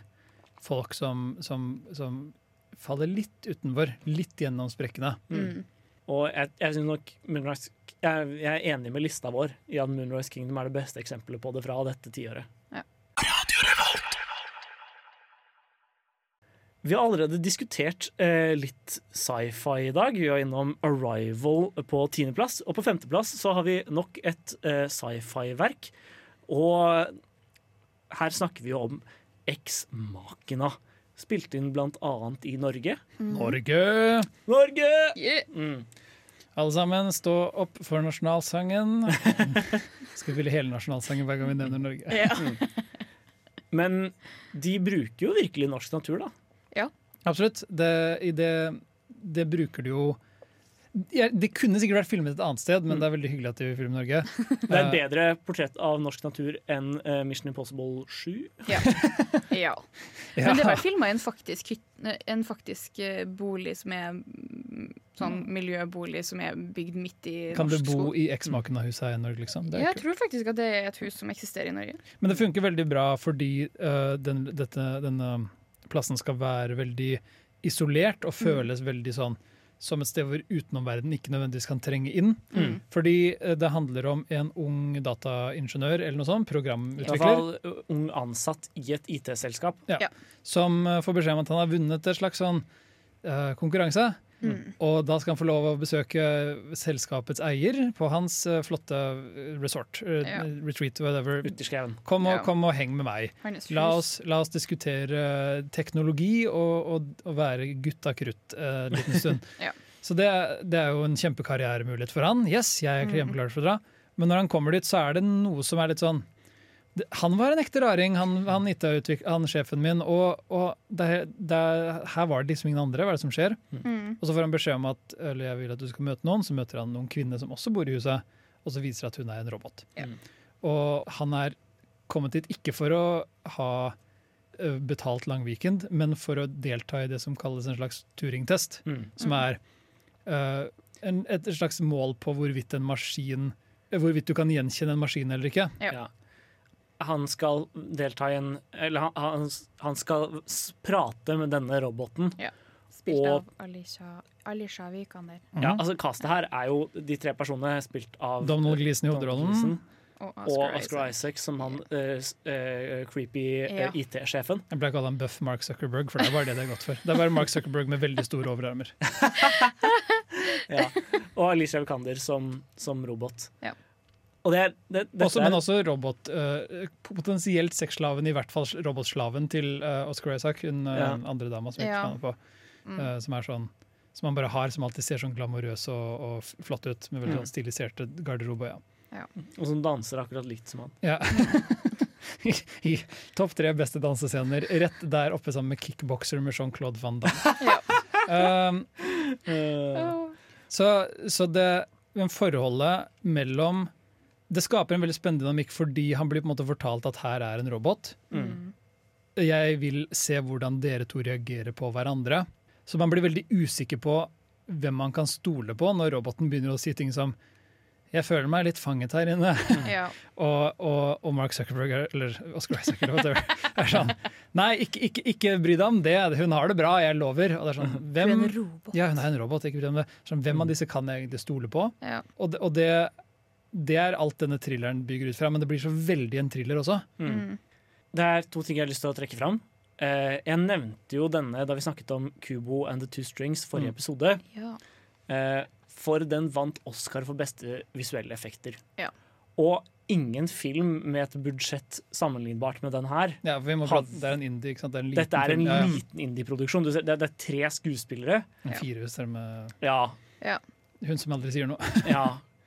Det er, det er tre uh, talking parts, uh, hvis det er mening. Ja. Men altså, de, har, de har åpenbart ikke et stort budsjett. Men Alicia Vikander som robot ser så utrolig robot ut. Ja, Det det, men det er, det er både veldig gode spesialeffekter, Mm. og det er um, en god rollepresentasjon. Mm. Hun har en slags sånn kjølighet ved seg Ja. som, som For- hun kan skru litt av og på, som er veldig Mm. interessant. Mm. Og som hun, hun kommuniserer veldig godt her.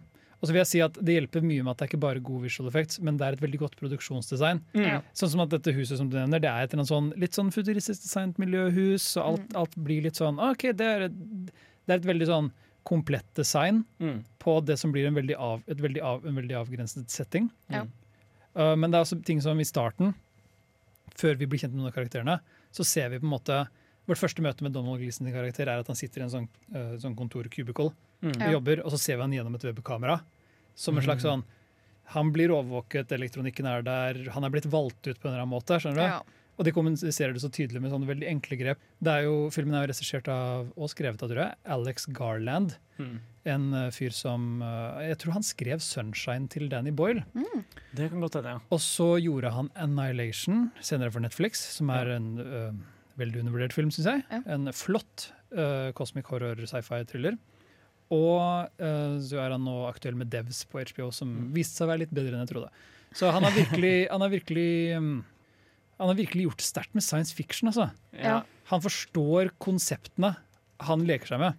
Eksmakene var en sånn film som uh, kom, og plutselig var Alex Garland et navn. Ja. Mm. Og det er på en måte ingen Det, det, er, det er en sterk debut, da. Mm. Uh, når, når plutselig eh, alle som er ordentlig interessert i film, vet hvem du, vet hvem du er etter debutfilmen din. Det er bra. Um, ting nummer to jeg hadde lyst til å trekke fram, var at i motsetning til Annihilation, så liker jeg vitenskapen her veldig godt. Ja. For AI er jo et felt jeg på en måte kan litt om, i hvert fall. Eh, um, alt, alt sånn maskinlæring og sånn er jo egentlig bare statistikk. Så eh, det, det, det, det er liksom noe jeg har studert. Men, og jeg, men jeg klarer aldri å arrestere denne filmen på noe. Det er aldri sånn derre Å nei, det der er åpenbart urealistisk. Eller det, Ja. der- dette er åpenbart ikke riktig Ah, fordi okay. Og jeg syns det, er så- jeg synes det er så deilig. Den er på en måte langt nok inn i fremtiden at den unngår å gå i noen sånne åpenbare feller. Ja. Det er, og det, det setter jeg så utrolig stor pris på med den. Mm. Det, at jeg, eller det, det er så ofte når man ser kunstig intelligens på film, at jeg, at jeg blir sittende og være sånn Ja, men nei. Eh, War Games er et veldig godt eksempel. Eh, hvor de ikke hvor- den på en måte ikke kan Eller hvor den, hvor den eh, har en, en eller annen grunn har en sånn full tekstgjenkjenningsgreie gående på 80-tallet. Mm. Det, det Nei. mens, mens i X-Makina så, så, så er det aldri sånn. Ja. Og det er så godt gjort, da, i motsetning til i Annihilation, hvor på en måte selv jeg kan av biologi, er sånn Nei, dette er feil. så, så Vel, du blander, et- Ellersen, altså blander du et romvesen, et science fiction, et mye mer sånn Du henter inn noe utenfra Ja. som man finner på fra fantasien. Så, så Annihilation eh, prøver ikke å være like basert i vitenskap, men heller jobbe med visuelle metaforer. Ja, men jeg tror den, den snakker så mye om mutasjon og sånne ting. Ja, Og- men det er jo ikke mutasjoner vi kan forstå, det er jo hele poenget. Ja, med Cosmic Horror.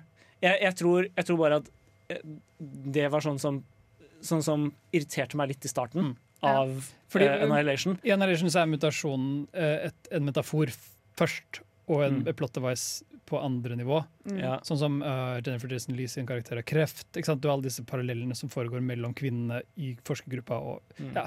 Mm. Annihilation burde sikkert vært på lista, så kunne vi prate om det nå. Men jeg, i hvert fall, jeg kan aldri gjøre det i, i X-Makina.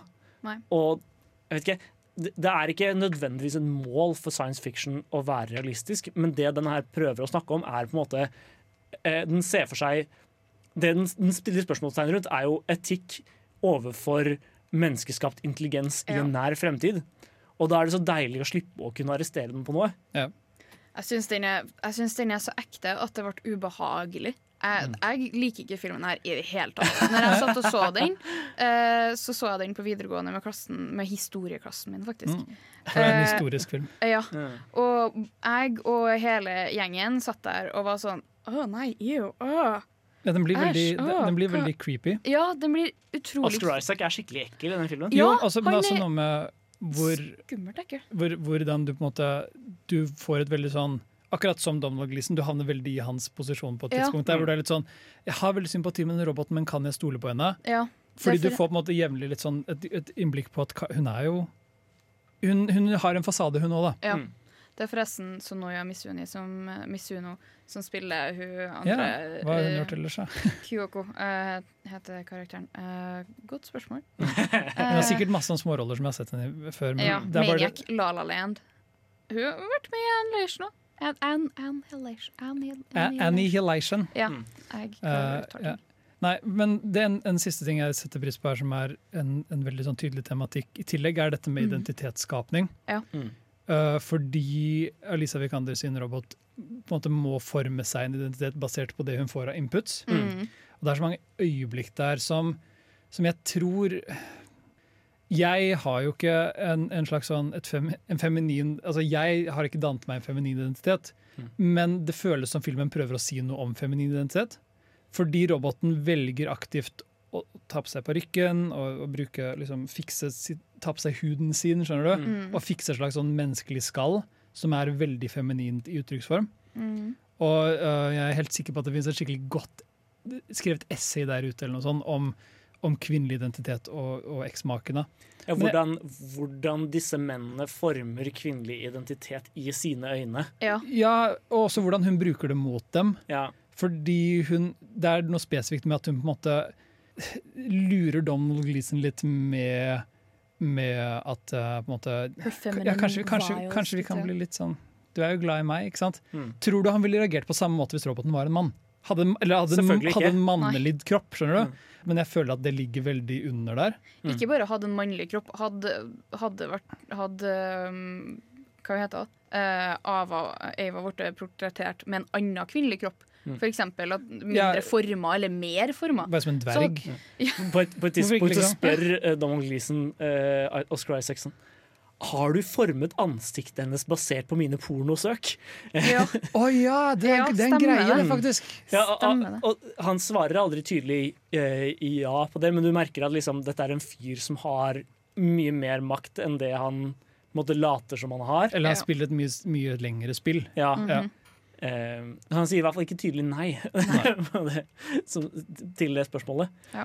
Og jeg vet ikke, det er uh, Det er en ubehagelig bra film. mm, Absolutt. Altså, det her nok en gang, der, altså, De indiene som har kommet seg inn på den lista, de har liksom ikke bare vært sånne indie sleeper hits, de har vært store hits som virkelig har slått igjennom. Room var jo også en indie. for så vidt. Og denne vant også en, en Oscar i en kategori hvor den typen filmer aldri vinner Oscar. Mhm. Så jeg vet ikke. Det er, det er en, den er en stor prestasjon. På fjerdeplass på lista har vi nok et estetisk mesterverk. Med Oscar Isaac i en av rollene. Ja. Den, denne filmen er så utrolig, utrolig Den er en så utrolig estetisk opplevelse at jeg var helt satt ut i en uke etterpå. Vi snakker om Nicolas Winning Reftens 'Drive'. Det er så lenge vi har satt ut det. Jo, men jeg, jeg husker jeg, var, eh, jeg, jeg så denne filmen på kino. Det, det var en, morsomt, uh, en morsom situasjon, for jeg hadde sett traileren til Jeg så at Drive lå inne på IMDb sin topp 250-liste. Mm. Og så så jeg traileren, og så var det sånn Oi, dette ser ut som sånn bra Fast and the Furious. uh, Psych! Det, det ja, altså, det som er så, så jeg, dro med, jeg dro med hele vennegjengen min. Ikke sant? Vi var sånn, vi var sånn ti stykker som dro og så den. Ja. Uh, og, og, så, og så begynner Drive, og da vi gikk ut, så var alle sånn August, hva, hva var det her? Og jeg, jeg, jeg vet ikke! Det som er så gøy, er at Drive veldig tydelig solgte seg selv bitte litt som det. Ja. Kom og se filmen som heter Drive. Det handler om en kul fyr som kjører en kul bil, og så er det sånn to kjøresekvenser i filmen. Mm. Og, det var, og den er på ingen måte sammenlignbar med de andre bilfilmene som kom ut rundt den tiden. Nei. Så det, den lurte publikum litt inn i kinosalene, tror jeg. Ja. Den var på WatchMojo sin uh, liste over topp ti mest misvisende trailere. Topp ti luremuser i filmbransjen. Oi, nei, nei. Alisa Vikander i Eksmaken,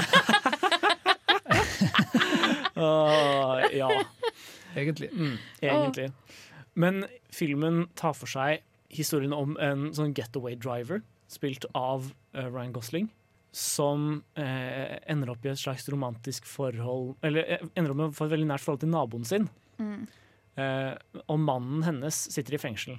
Men på et tidspunkt så kommer mannen ut av fengsel, og han bestemmer seg da for å eh, For å være en ekte køkk, som de sier, Ja. og hjelpe mannen hennes med å bli kvitt fengselsgjelda si. Ved å gjennomføre en ting som fikk, det som fikk han i fengsel til å begynne med, nemlig å gjøre et ran. Mm. Ja. Men Ryan Gosling er jo da en, eh, en ekte køkk. Nå bare svirrer det ordet i hodet, da svirrer det i hodet mitt. Det er sånn, ingen har sagt køkk siden sånn 2015 eller noe, når det var sånn internettslang. Så jeg bare sånn, Å, det er et ord, ja, stemmer. Er Uh, men ja, så, så uh, fordi han på en måte han, Det er så veldig tydelig det er et øyeblikk der hvor du på en måte ser at han Oscar Isaac sin karakter møter egentlig ikke standardene for de, den typen folk han tar jobb for. Det er litt morsomt, for den heter Standard. Ja, det Ja. kanskje. Lol. Ha-ha!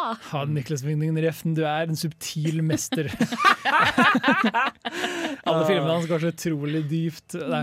Um, så, nei, men det er et øyeblikk der hvor du ser liksom at han, han gjør dette fordi han vil gjøre noe fint for uh, Carrie Mulligan sin karakter. Mm. Irene. Ja, akkurat det.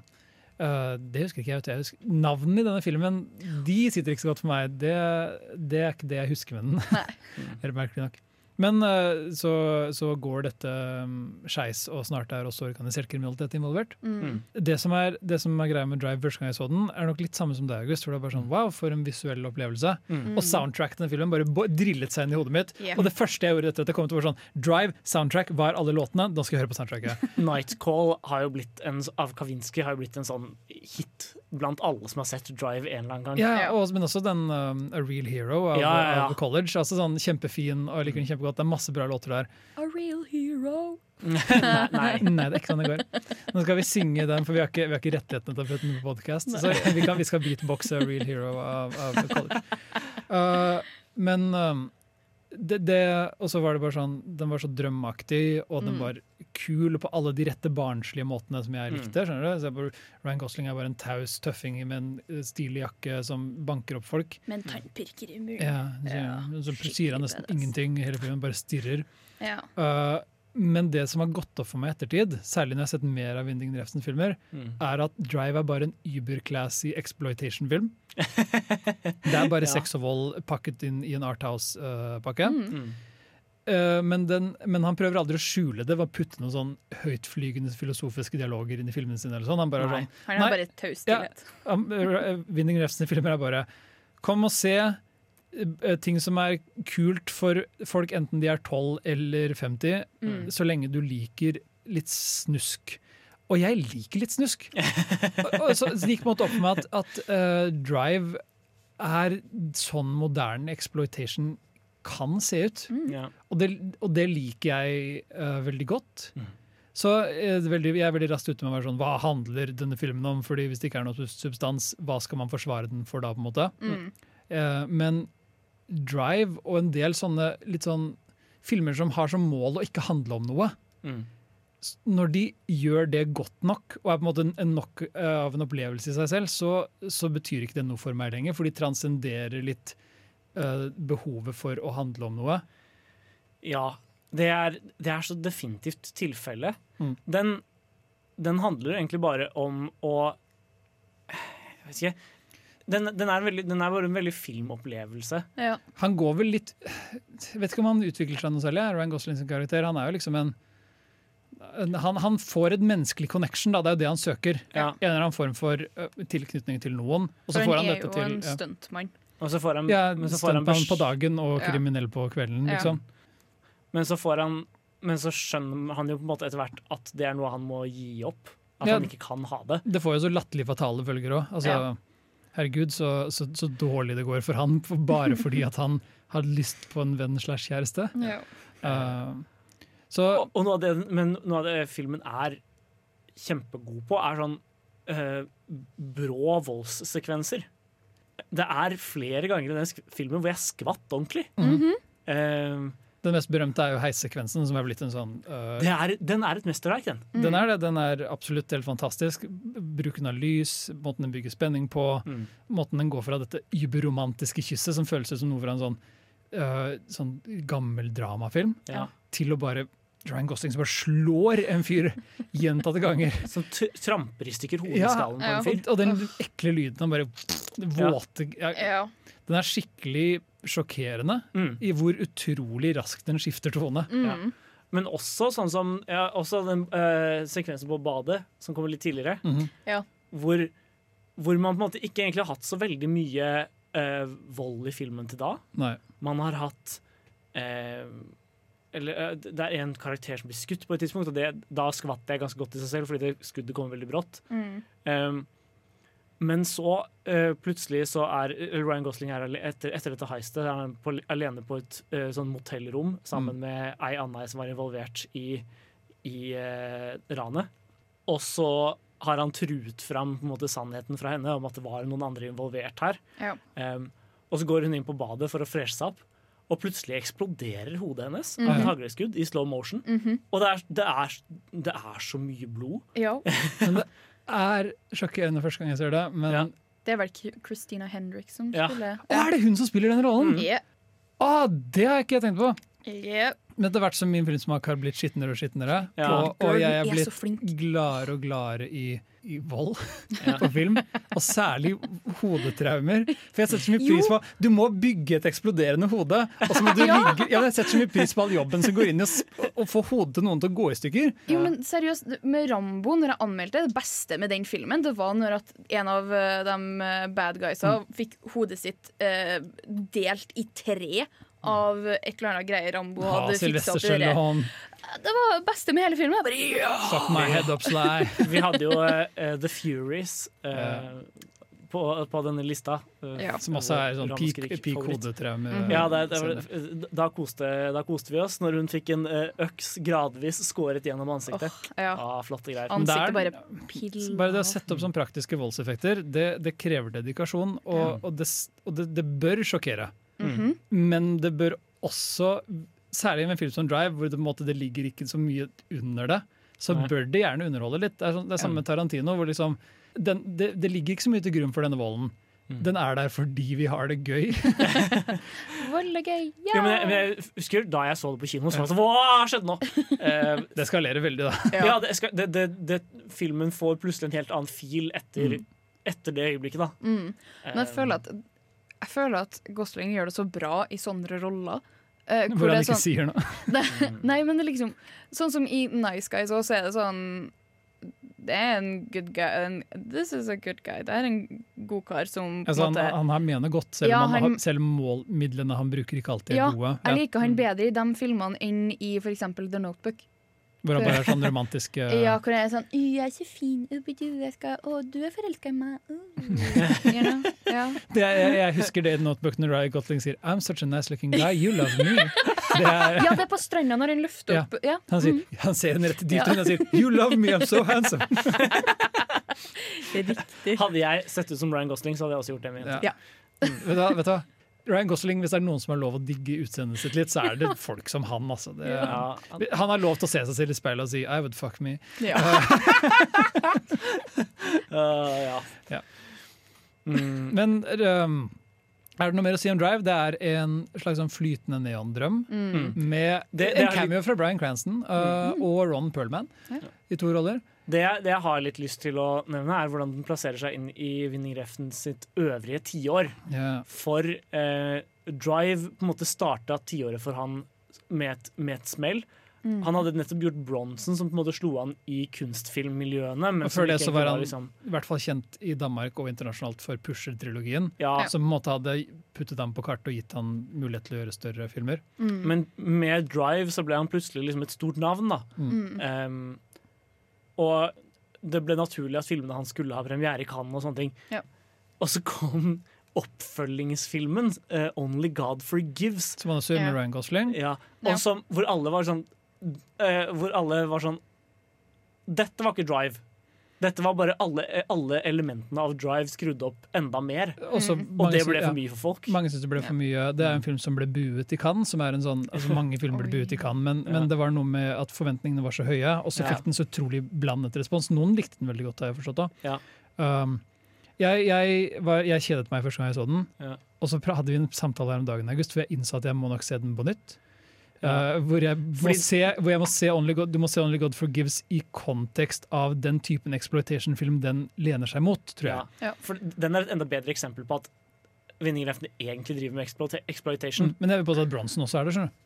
Ja. Du kan ikke forsvare noe i Bronsen, særlig med tanke på at det er en sann historie. Mm. Den utnytter virkelig historien til en fyr som ikke bør hylles eller feires på noen måte, og feirer han på en måte som kun mater egoet til en drapsdømt fange som fortsatt er i live og kan se filmen om sitt eget liv. Ja. Vet du hvor smakløs Bronsen er? Det er helt grusomt. Ja. Men ikke noe mening engang. Jeg liker Bronsen, men det, den, den burde sikkert ikke finnes. eller noe sånt. Jeg liker den, whatever. um, men uh, Only God Forgives er mye voldeligere Mm. og legger mye mindre skjul på. Den er ikke den eskalasjonen som, som uh, Som Drive High. Den, Den, ja. den bare åpner med vold, det er vold hele veien. Det blir bare styggere og styggere og eklere og eklere. Ryan Gosling er en impotent fyr som bruker hendene sine istedenfor penisen sin, så når han banker folk, så er det veldig seksuelt. Det er veldig rart. Mm. Ja, det er en, det er en skitten, skitten film. Ja. Uh, og på et punkt der så kutter han naturlig magen på moren sin og stikker hendene sine inn der. Det er bare fuck it. Mm. Uh, men, men jeg tror Det, det er en weird film. Ja, men jeg tror Only God Forgives bør ses i kontekst av å handle om disse macho uh, voldsfilmene sånn som Kickboxer, som var filmen Mm. vi så som satte i gang denne praten. Da. Mm. Så jeg er åpen for at jeg kanskje har dømt Only God's, God Forgives litt På feil grunnlag. på, litt på feil grunnlag. ja. Mm. Som at jeg ville se Drive 2, Ja. Electric Boogaloo, Mm. og så var det ikke det. Og så var det liksom ikke noen annen mulighet for at den kunne være noe annet. da. Jeg vet også at Only God Forgives virkelig knakk Winding Refn. At det var en skikkelig vanskelig produksjon for han. Mm. Kona hans har en dokumentar hun lagde om han, om, eh, som heter My Life, directed by Nicholas Winding Refn. Som, hvor han bare er sånn sliten gjennom hele dokumentaren og bare oh. sliter med filmen og klarer, ikke å, klarer ikke å lage det produktet han vil, og så kommer responsen på filmen, så blir han skikkelig lei seg. Å, det må være så kjipt, da. Ja, jeg tror det var skikkelig vondt for ham. jeg jeg, husker bare på folkehøgskole, når vi laga film, og så ble det ikke sånn som vi hadde tenkt det. Og så var vi bare lei oss, og alle sammen på folkehøgskolen var skuffa for de ikke fikk den filmen de ble lova.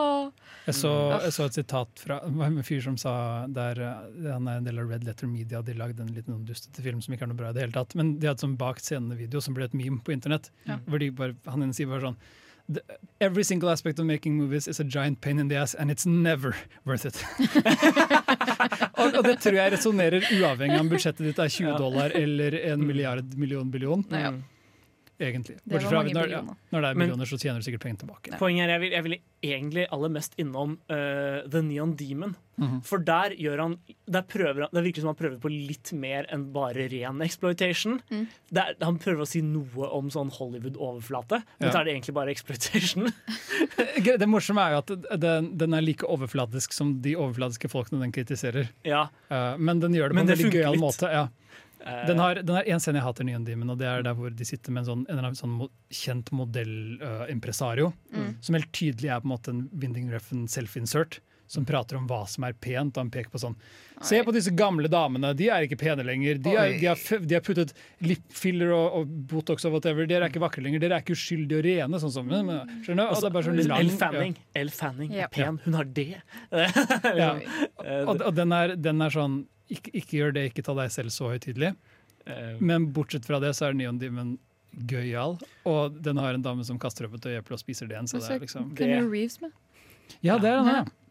Det er mye, det er mye rart som skjer i Neon Demon, men den er altså bare veldig sånn eh, Der går han, trykker han bare full, på, full pedal på hvert eneste bilde skal bare være sånn bedazzling. Ja, men det er jo veldig det er- det Det veldig Snakk. Den er Jeg syns det funker da i den filmen. Jeg, jeg likte den mye bedre enn eh, Only God Forgives, bare i kraft av at den liksom Den eh, den, den var litt mindre sånn eh, dvelende og litt mer bare sånn Vi bare slenger inn noen greier. Ja, Only God Forgives er sånn ti minutter hvor, hvor Ryan Gosling og han, han thai-politimannen bare stirrer på hverandre. Ja. Som bare varer og varer og varer, og så er det sånn Begynn å slåss, da! Kom igjen! Og filmen bare sånn Nei, her er et til ditt blikk av øynene deres. Uansett, uh, Vinningreften har hatt et interessant tiår. Uh, Jeg håper han gjør noe mer, og jeg håper det blir bedre herfra. ja. og, og Drive er, et, i hvert fall i mine øyne, virkelig sånn en topp ti-film. Er, jeg vil si det er en, et, et av tiårets store mesterverk. Nå som vi er helt i toppen her, så er jo i grunnen alle filmene store mesterverk. Og jeg vil si det gjelder for uh, film tre på lista også, fra en mann vi har snakket uh, om allerede, eller s- senest denne episoden. For, Den eneste regissøren som har to filmer på topp 10-lista. Ja. ja. To filmer på topp 10 og tre filmer på topp 20. Mhm. Og fire filmer på topp på lista. Det er et sterkt Fyren som har hatt det beste tiåret. Ja. Ingen annen enn Denis Villeneuve. Og filmen vi endte opp med øverst av han, er uh, 'Prisoners'. Prisoners. Ja. Den franske kunstfilmen. Eh, Prisonnier eh, Nei. ehm, jeg, tror, jeg tror grunnen til at denne filmen endte opp aller høyest, var delvis, delvis at jeg så den opp igjen i jula og endte opp med å liksom jeg hadde allerede laget lista mi, men så var jeg sånn Hvor er 'Prisoners' like god som jeg huska den? Og så så jeg den opp igjen, og så var den sånn Nei, den var enda bedre. Så jeg slutta slutta den opp et par hakk. Prisoners har det samme eh, som Moonrise Kingdom-konundrumet, som er hva skal jeg gi minuspoeng for her? Ja. Det er ikke det at det er den beste filmen som noensinne er laget, men det er sånn ingenting i denne filmen Mm. passer ikke. Nei. Ingenting er feil. Altså, nummer to grunn er jo at Henning, eh, som dessverre ikke er her i dag, er Jake Gyllenhaal-fan nummer én. Eh, så han hadde, han hadde også 'Prisoners' veldig høyt. Men jeg vil også påstå at Mm. dette kanskje er Denis Villeneuves mest tilgjengelige film, fordi Ja. den er så veldig en thriller først. Mm. og, og alt annet etterpå. Men du så mye der er. Det er så mye der. Det er det som, jeg jeg ble, overraska over hvor lang den var. Da jeg så den opp igjen. Den er jo to er og en to og en halv time ja. lang.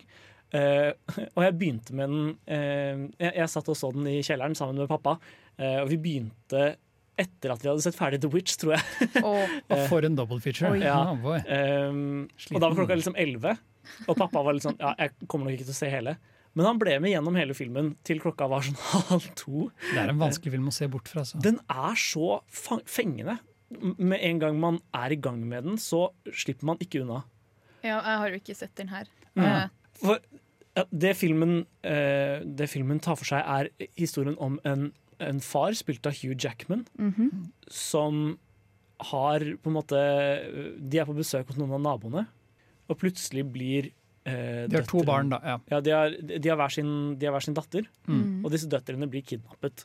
Og det eneste man på en måte får med seg, er at det er en veldig sånn eh, Virker som psykisk utviklingshemmet gutt, spilt av Paul Dano.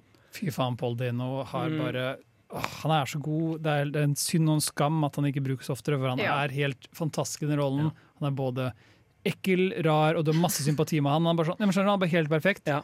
Han klarer å spille en karakter som, som, som gjør deg så ukomfortabel, for du klarer ikke å forstå hvor du skal stå foran. Nei, du, du vet ikke om han er dødscreepy, eller om han er Bare et skikkelig trist. offer. Ja. Mm. Um, for det som skjer, man klarer ikke å eller, og, og Politimannen som etterforsker dette, er spilt av Jake Gyllenhaal.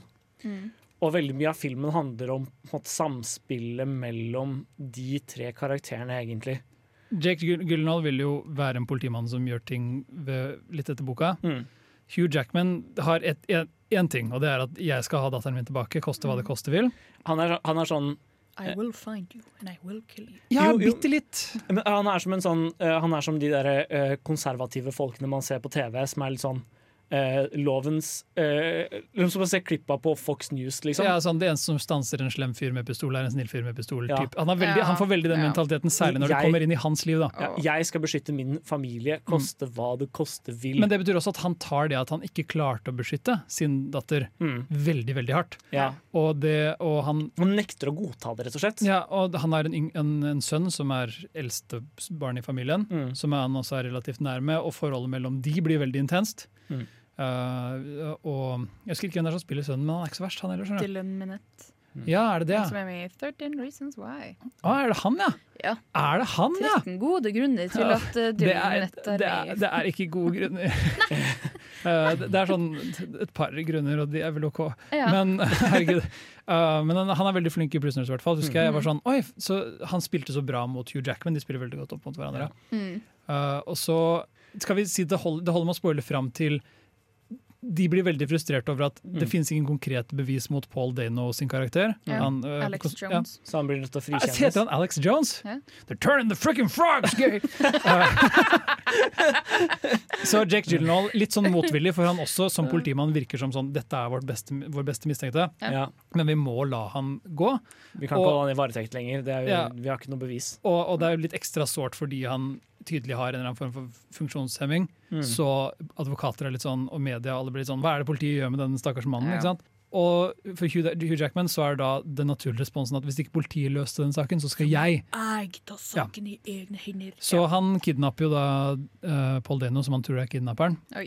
Og så stiller den et veldig vanskelig spørsmål, som er nettopp det med hvor langt er man villig til å gå hvis du tror du kan redde din egen, altså ditt eget barn. Ja. Mm. Og, og, så, og så fyrer de andre altså han, Faren til den andre datteren som er kidnappa, Mm. de fyrer hverandre litt opp. Jack Gyllenhaal blir litt involvert igjen.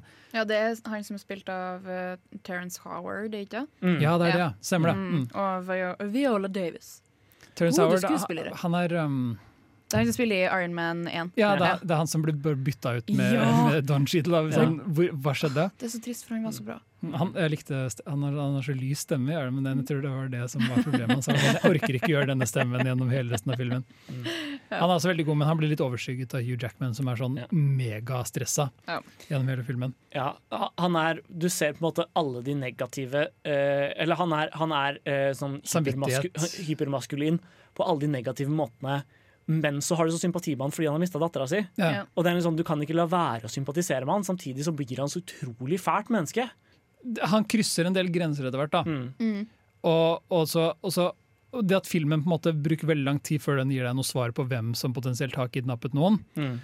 så, så blir du konstant puttet på begge sider av det moralske dilemmaet. Ja. Mm. Som er hvor mye makt skal man bruke, hvor, i stor, hvor stor grad skal man ta loven i egne hender. på en måte. Og, og, og du får eh, en politimann involvert, du får en sørgende far involvert, du får liksom flere karakterer involvert i hele situasjonen. Mm. Og um, jeg hadde et poeng da jeg begynte å si dette, men nå begynte jeg bare å tenke på alt det andre jeg liker med filmen. For, for, fordi, men fordi du frem, sympatien din skifter så mye fram og tilbake, Mm. så som du sier da, så er det litt sånn Det ene øyeblikket så tenker du Så blir man litt sånn Fuck Paul Dano, og, og la oss få svaret på det. La oss få vite, vi trenger bare liksom, ha, Hvis han har gjort dette, så er det ingen unnskyldninger. Mm. Men så er det på andre siden tenker du herregud, hva, hva har de gjort? Mm. Hvor langt har de gått? Og, og er det noen vei tilbake fra dette? Og det blir veldig Ja, det blir en sånn Er tortur greit? er jo spørsmålet denne filmen egentlig stiller. Ja, men den, den, den snakker om så mye annet også. Mm. Den, har også veld, den snakker også mye om tro. Ja, Hugh Jackman er jo veldig tydelig sånn eh, kristen, konservativ fyr. Mm. Selv om han banker opp Alex Jones, som er en kristen konservativ fyr. Ja. Hvordan, hvordan gir dette mening? Men, eh, men hans tro blir veldig testet. Og så snakker han med andre foreldre som har fått barn kidnappet, og de snakker også om hvordan liksom, det om å miste barna sine er en form for testing av tro. Um, og, og, så er, og så er det jo alle de løse trådene som er involvert her også. Ja. Hvor den er liksom Plutselig finner man et lik i en kjeller, og så er man liksom Oi, er dette, er dette relatert? Og så er det noe som tilsier det, noe som ikke tilsier det. Det er rett og slett skikkelig uoversiktlig og kaotisk Mm. helt til man kommer til slutten. Og det, jeg må også, altså, Vi skal ikke spoile slutten her, Nei. men Trenger. denne filmen har en perfekt slutt. Absolutt. Mm, de er, det, er, det er noen filmer som har en avslutning som gjør at man bare Som gjør at man eh, sitter på pinebenken helt til siste slutt. Og 'Prisoners' er definitivt i den kategorien. Ah, det, den, den er både ordentlig frustrerende, men også helt perfekt. Men jeg tenker, sånn, ut ifra det jeg hører nå, så er, og den er to timer og 33 minutter lang Jeg forbereder deg på å være skikkelig Ja, det anspente her- rumpeballer. Du sitter helt sånn. Ja, men er ikke, er- blir ikke det her en utmattende film? du, jeg, Var det bare jeg, lenge, liksom? Første gang jeg så den, så gikk jeg ut av kino, kinoen helt slått ut. Jeg så Ja. den med en kamerat, og vi var begge bare sånn wow! Men det er um, altså, det er Denis Villeneuve. Han, han har, den, er, den er ikke langdryg på noen måte. Nei. Den beveger seg veldig fort. Du får litt sånn medieperspektiv i den her en periode også, hvis jeg Mm. ikke husker feil. Det er en stund jeg har sett den nå. Uh, den, den dekker så mange ting. Mm. På en veld, den er veldig tight sammenkoblet. Mm. Uh, og, og alle plottbitene som skjer, og alle disse små tingene som dukker opp, er alltid i tjeneste av å prøve å løse et mysterium. Mm. Så den, den drives veldig godt. Det, er, altså, jeg, vi har pratet om den før på Filmofil. Jeg tror Jenny sa at sånn, moren hennes så den med henne, og hun ser aldri en hel film. eller noe sånt. Mine foreldre og all, alle jeg har sett Prisoners med, sitter bare sånn gjennom hele filmen, og det gjelder meg òg. Um, så den er jeg, jeg vil påstå at den er verdt den, den tiden den tar å se. Mm. Bare i kraft at det er en megagod thriller. Det er en spenningsfilm hele veien. Den er spennende mer eller mindre fra de første ti minuttene til slutten. Og nok en gang, tiåret til Denis Villeneuve. Han har fire filmer på lista, Mm. men det stopper ikke der. Han lagde 'Prisoners' og 'Enemy' samme år. Jeg vil jo si at Enemy er øh, massivt undervurdert og veldig litt undersett. Den, den filmen gjør meg redd på sånn eksistensielle nivåer, fordi den ser så stygg ut. Og den er så utrolig sånn Jeg føler meg, sånn, jeg føler meg fanget av Enemy. Den, den holder meg fengslet og, og vil skade meg på en eller annen måte som jeg ikke forstår. Og det gjør meg kjempelei meg og sint. Og det, jeg elsker min, Den er helt fantastisk. Mm. Uh, anbefaler å se den. Jeg vet at det var sånn passion-prosjektet hans, som han Mm. lagde litt med pengene fra Prisoners, som liksom Mm. blødde over i Enemy. og litt sånn Hei, Jake, jeg har et skrift, kan ikke du og jeg stikke til Toronto og filme det litt? Og Jake var sånn ja, ja, ja, sure, sure, sure. Og, eh, jeg skjønner hvorfor Enemy ikke havner på lista. Den er veldig mye smalere og veldig mye rarere og veldig mye vagere. Og mye styggere. Men det er med vilje at den er stygg. Mm. Ja. Det er jo en kjempefilm. Den filmen jeg tror kunne vært på lista hvis folk hadde sett den, var 'Incendies'.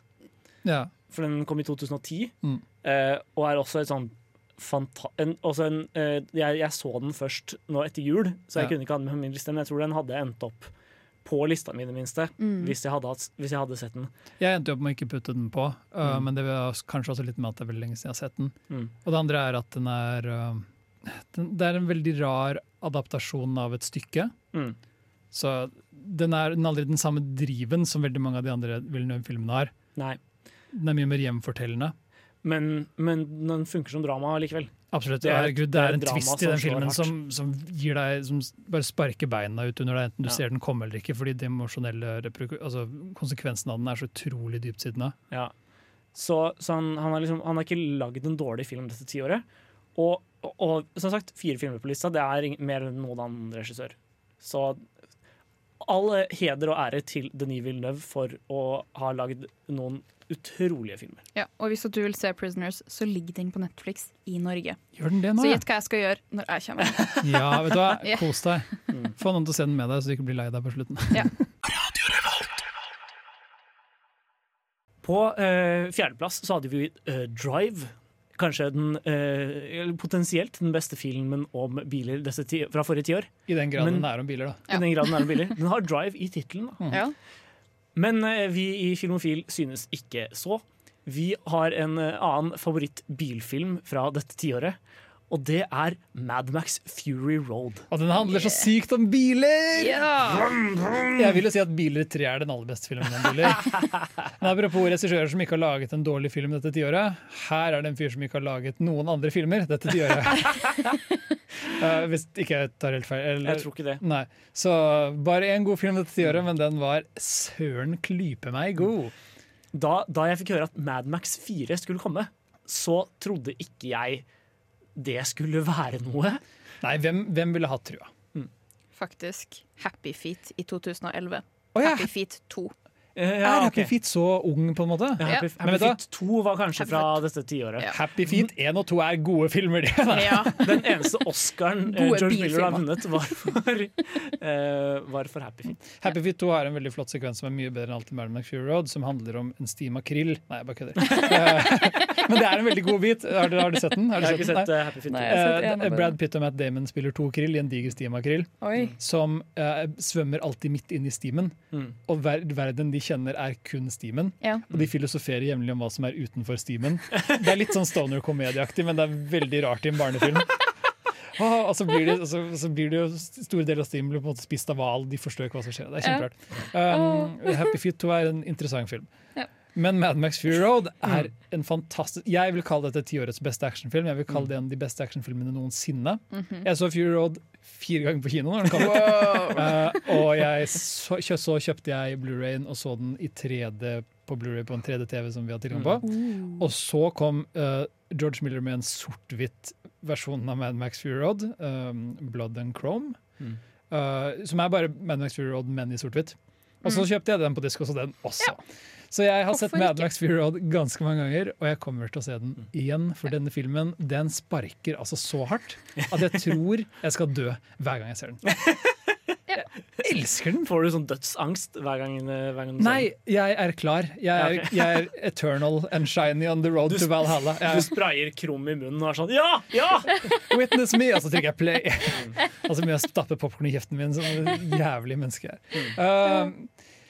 Plott til Mad Max Road. Um, Mad Max er en fyr som lever i et postapolyptisk ørkenlandskap hvor drivstoff og vann er de to viktigste ressursene. Og han er sint! Ja, Han er sint, men han trives best alene. Ja. Så han holder seg unna ting som fascistriket, der Morton Joe styrer alle de fattige krøplingene som bor under hans uh, store hodeskalleformede palass. Mm. Um, men så blir Max uh, spilt av Tom Hardy her, tidligere spilt av Mel Gibson. Og de andre franchisene. Greit at han ikke kom tilbake, han er jo 100 år gammel. Ja.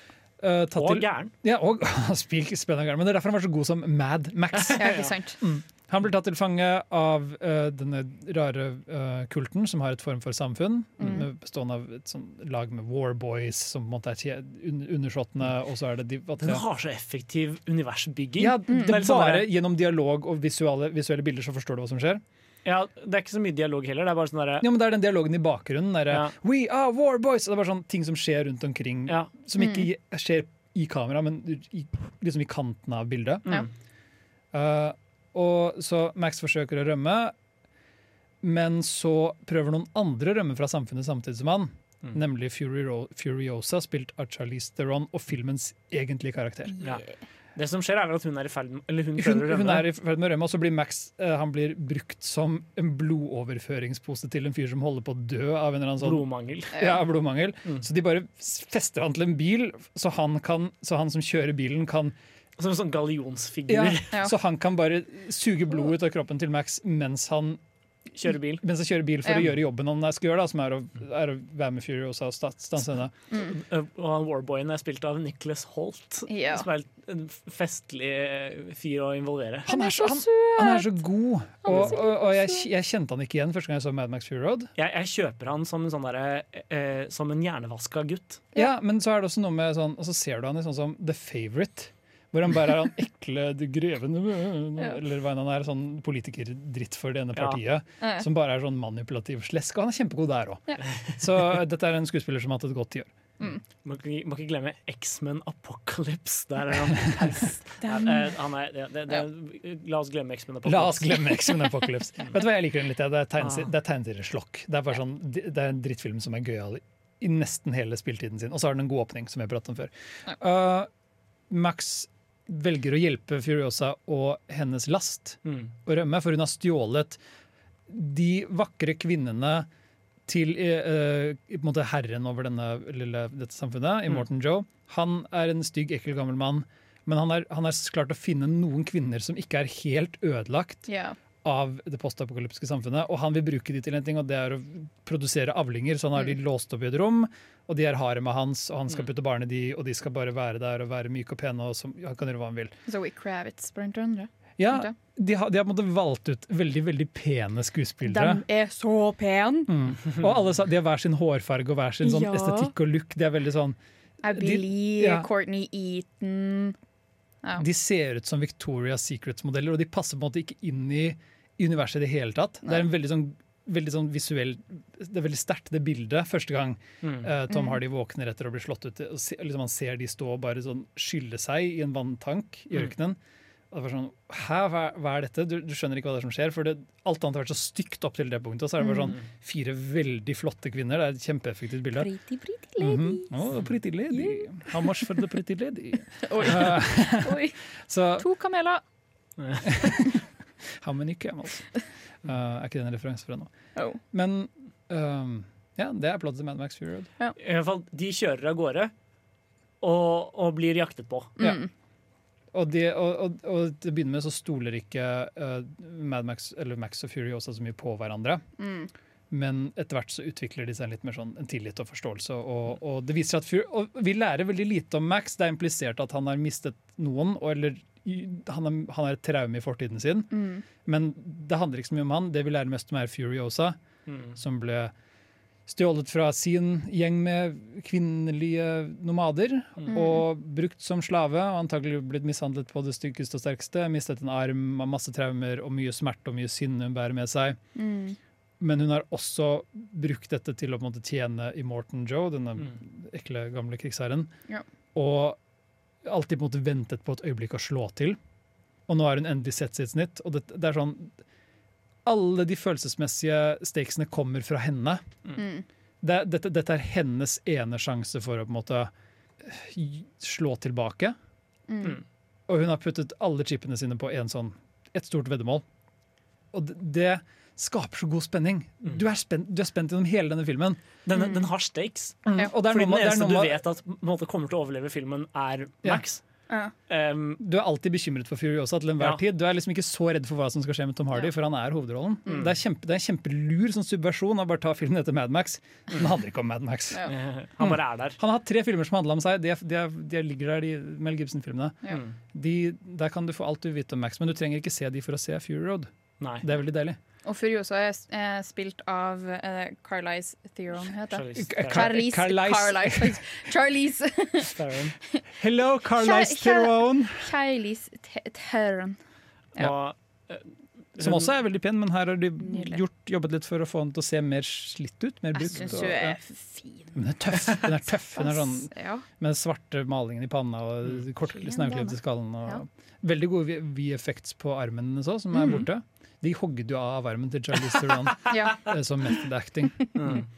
Veldig, veldig bra eh, effektarbeid å bare kutte av noen serb. Ja, Mm. det er sånn som uh, barten til Joaquin Phoenix, som vi snakka om i forrige episode. Også god Nei, den kutta de på. Å ja, ja. Nei, du tenker på uh, overleppa til Henry Cavill. Den kuttet de på. ja, ja. Weird.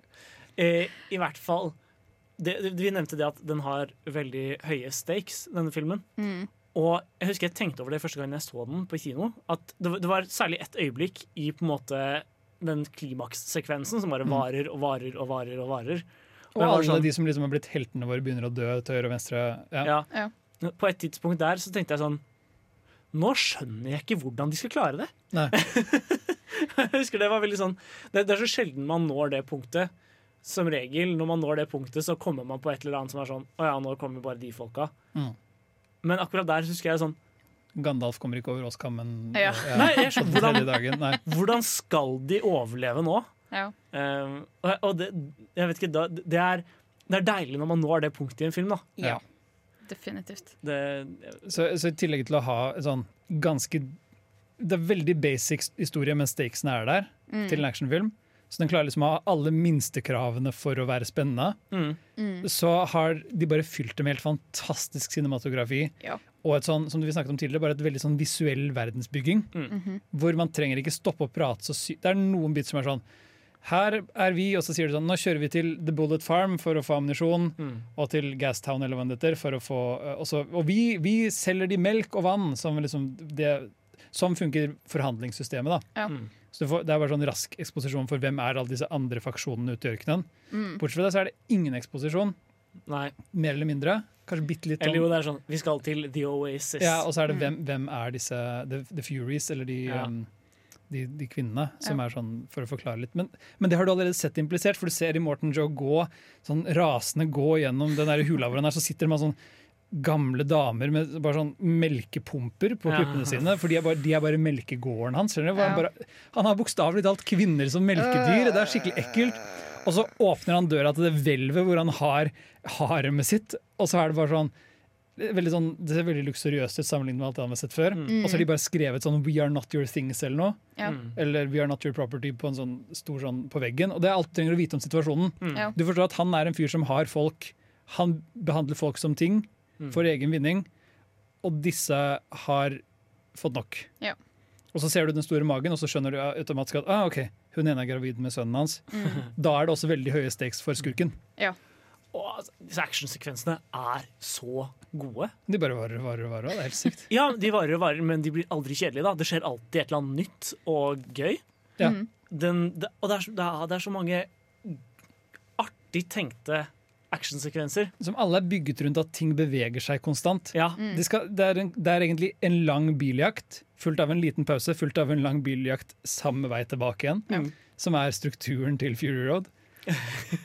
At det funker, er sjokkerende. Mm. At det er en av de beste filmene jeg har sett dette tiåret, er ulovlig. Og for å snakke om Det beste med filmen er jo han fyren som de har festa til den ene bilen, som henger i en Ja. stropp og spiller Ja. elgitar. Ja, De har en egen, de har en egen sånn trommebil Ja. som bare er der for å lage liksom, bakgrunnsmusikk. Men, men når du trekker på en måte ideen om at et postapokalyptisk samfunn har revertert litt til sånn føydale uh, samfunnsstrukturer Mm. Det å ha på en måte, altså, Det at de som leder hæren i krig, er en fyr med sekkepipe og en fyr med tromme og sånn, dette er på en måte Mm. bare den ekstreme sånn postapokalyptiske punkeversjonen av dette.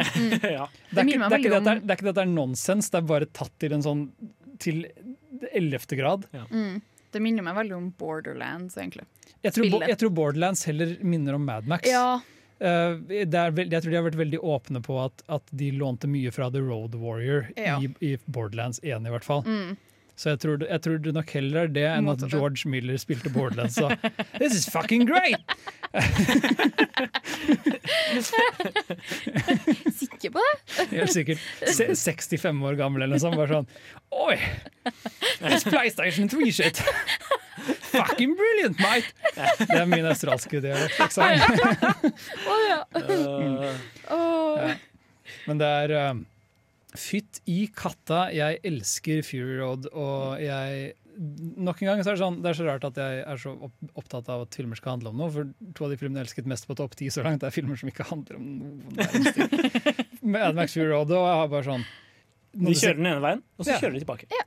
den har en sånn feminist uh, sånn kick, fordi det handler veldig om at disse kvinnene skal frigjøre seg, og at alle de mennene er litt sånn skitne og dårlige. Men det, Men så er den Det- men det også objekt, ikke- ja. og så er den, men så er den også så glad i å stirre på disse kvinnene at du får litt sånn OK, men den er, er, den, er den et Ja. feministmesterverk, eller Nei, er den den er ikke det, men poenget er at den, den trenger ikke handle om det for å være nei, god. Og, og det at den handler om det, er bare et sånn lite pluss i margen. Som en Ja. sånn Ja, du tok en franchise som har vært kjent for å ha liksom, litt sånn en mørk og komplisert mann i hovedrollen, Mm. og så gjorde du den til en film om kvinner. Mm Good on you. og bare se på hvordan det funker. Ingen klager.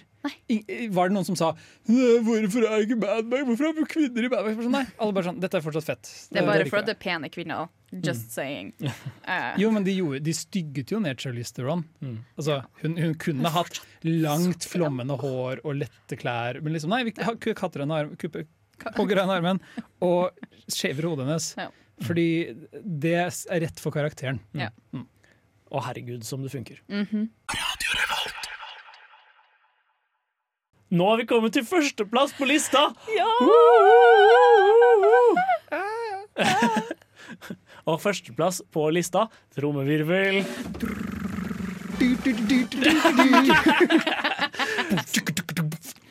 Førsteplass på lista er, uh, som dere kanskje skjønte på Jaran sin litt ek eksentriske tromming, Whiplash. Yes!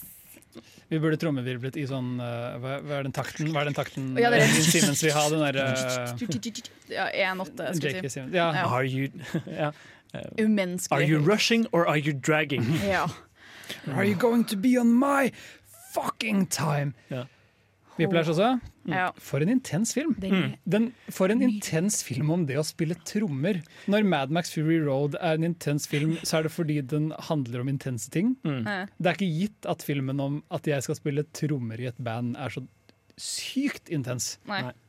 Men, men virkelig, Whiplash hadde kanskje den mest intense spenningssekvensen fra, fra det forrige tiår. Det, ja, Og og det, det, det står jeg litt for. Ja. det er jeg, det, jeg er med på at det er blant de mest minneverdige sånn To- Topp ti spenningssekvenser. Ja, jeg vil nesten kalle det en actionscene. Mm. I hvert fall ikke en, en thriller, straight Ja. up. Mm. Det er um, en ganske intens film. Mm, Og du had, har, der, her er jo, du, du har fått litt sånn flack i løpet av lista, di, Mina. Mina for sånn, Nå kommer det en film Mina hadde blitt å si, Nå men, kommer det den femte prinsessefilmen på rad. men hvem kålet at Whiplash kom til å være nummer én? det var meg. Ja. Det var meg. Det var meg. Var det deg? Det var meg. Ja, så kult. Ja, for dette var, din, dette var din favorittfilm fra tiåret. Ja, og den har jeg nettopp blitt anbefalt av en kollega som er glad i jazz, og som er sånn, greit, den kan jeg se. Og den er så bra. Uh, som Jeg har spilt trommer sjøl før. Um, så liksom jeg, var, jeg satt der og var sånn Jeg føler med deg! Jeg, ikke at jeg spilte jazztrommer, men liksom det å holde en takt lenge, det, det, det er en utfordring. Men den er så bra, og det hele Den er så fin, på en måte, måten um, den forteller historien til Miles ja, uh, Teller sin karakter, Andrew. Eh, Neiman? Er det Marcus Nei, eh, heter det ikke Neiman? nei, Miles Teller eh, sin karakter heter Andrew. Oh, ja. Hvem Ja. er det som heter Neiman? Er det en Det annen? er Paul Reiser sin Jim Neiman. Ah, ja, okay, jeg blander det sammen. Ja. Eh, så spiller JK uh, Simmons uh, Fletcher, som er jazzlæreren. I rollen som veldig velfortjent vant han Oscar, for den Ja. mannen skremmer meg i denne filmen. Ja, Han er så skummel, han. Så- Jeg er så redd for å møte han. enig. Men den handler da om Andrew som bare har lyst til å spille trommer og bli bli en best. god, Mm. en, den beste jazztrommisen som eksisterer. Han idealiserer uh, Charlie Parker, Ja. en av de sånn store jazzlegendene. Han, han, han bare sitter og øver og øver. og øver. Mm. Han, er, han er sånn besatt. Han har en scene midt i filmen hvor han prater om, litt påvirket av jazzlæreren, altså Jacob Ja. Simpson, klar, men han prater om hvordan jeg må nok slå opp med deg, kjæresten min, Ja. fordi du distraherer meg fra å bli best på trommer. Ja. Som er sånn Wow, nå har du virkelig dedikert deg nå! ja. Da skal du søren meg bli best. Mm. Og så handler det om måten han eh, blir manipulert da, og blir pusha av Fletcher, Mm. som eh, i sine egne øyne er sånn Å, men jeg vil bare at du skal bli best, men jeg Mm. skal være tidenes største drittsekk og Ja. Ja, for han blir med i et nytt jazzkompani, Ja. eh, dirigert av denne Fletcher. På Musikkakademiet hvor han går. ja. Ja. Som er det beste. Ja. Mm. De er de som deltar i de store konkurransene. Ja. Det er der man spiller for å så få en karriere etterpå. Man Ja. blir oppdaget. Ja. Og det eneste Fletcher er opptatt av, er på på en måte storhet, på en Ja. måte. Du skal, du skal gjøre det akkurat som han vil, Ja. og hvis ikke, så er det ikke bra nok. Og Ja. han, og han, han bruker Alt fra gaslighting til straight up mobbing. Ja, han, man manipulerer studentene sine skikkelig Ja. i, i håp om å lokke ut storheten deres. Han, han har en, en Rundt filmens siste akt, der den begynner omtrent, Mm. etter at de, før vi kommer til finalen, Mm. så har han en samtale hvor han prater litt om måte, filosofien sin. Mm.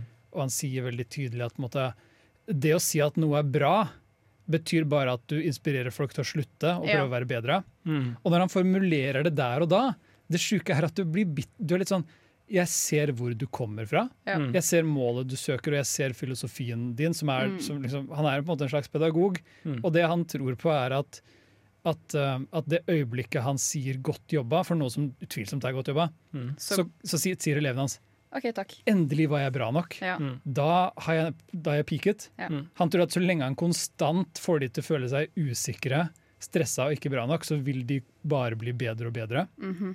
Og så kan han heller skryte av de etter at de er ferdig med å være elevene hans. eller noe sånt. Jeg vet ikke. Ja. Det er Når, de, jo- når de får jobb som Mm. ledende jazztrommiser. Eller når de til slutt tar livet av seg fordi Som- man er puttet Eller skader seg på en eller annen grusom måte fordi de presses forbi det som er naturlig for et menneskelig sinn. Ja, Mm. for det var jo det som skjedde med Ja. en tidligere Vi ser, elev av vi ser konsekvensen av det ganske tidlig i filmen. Fletcher Ja. prater om denne trompetisten var en fyr jeg tok inn under min vinge, han hadde masse potensial.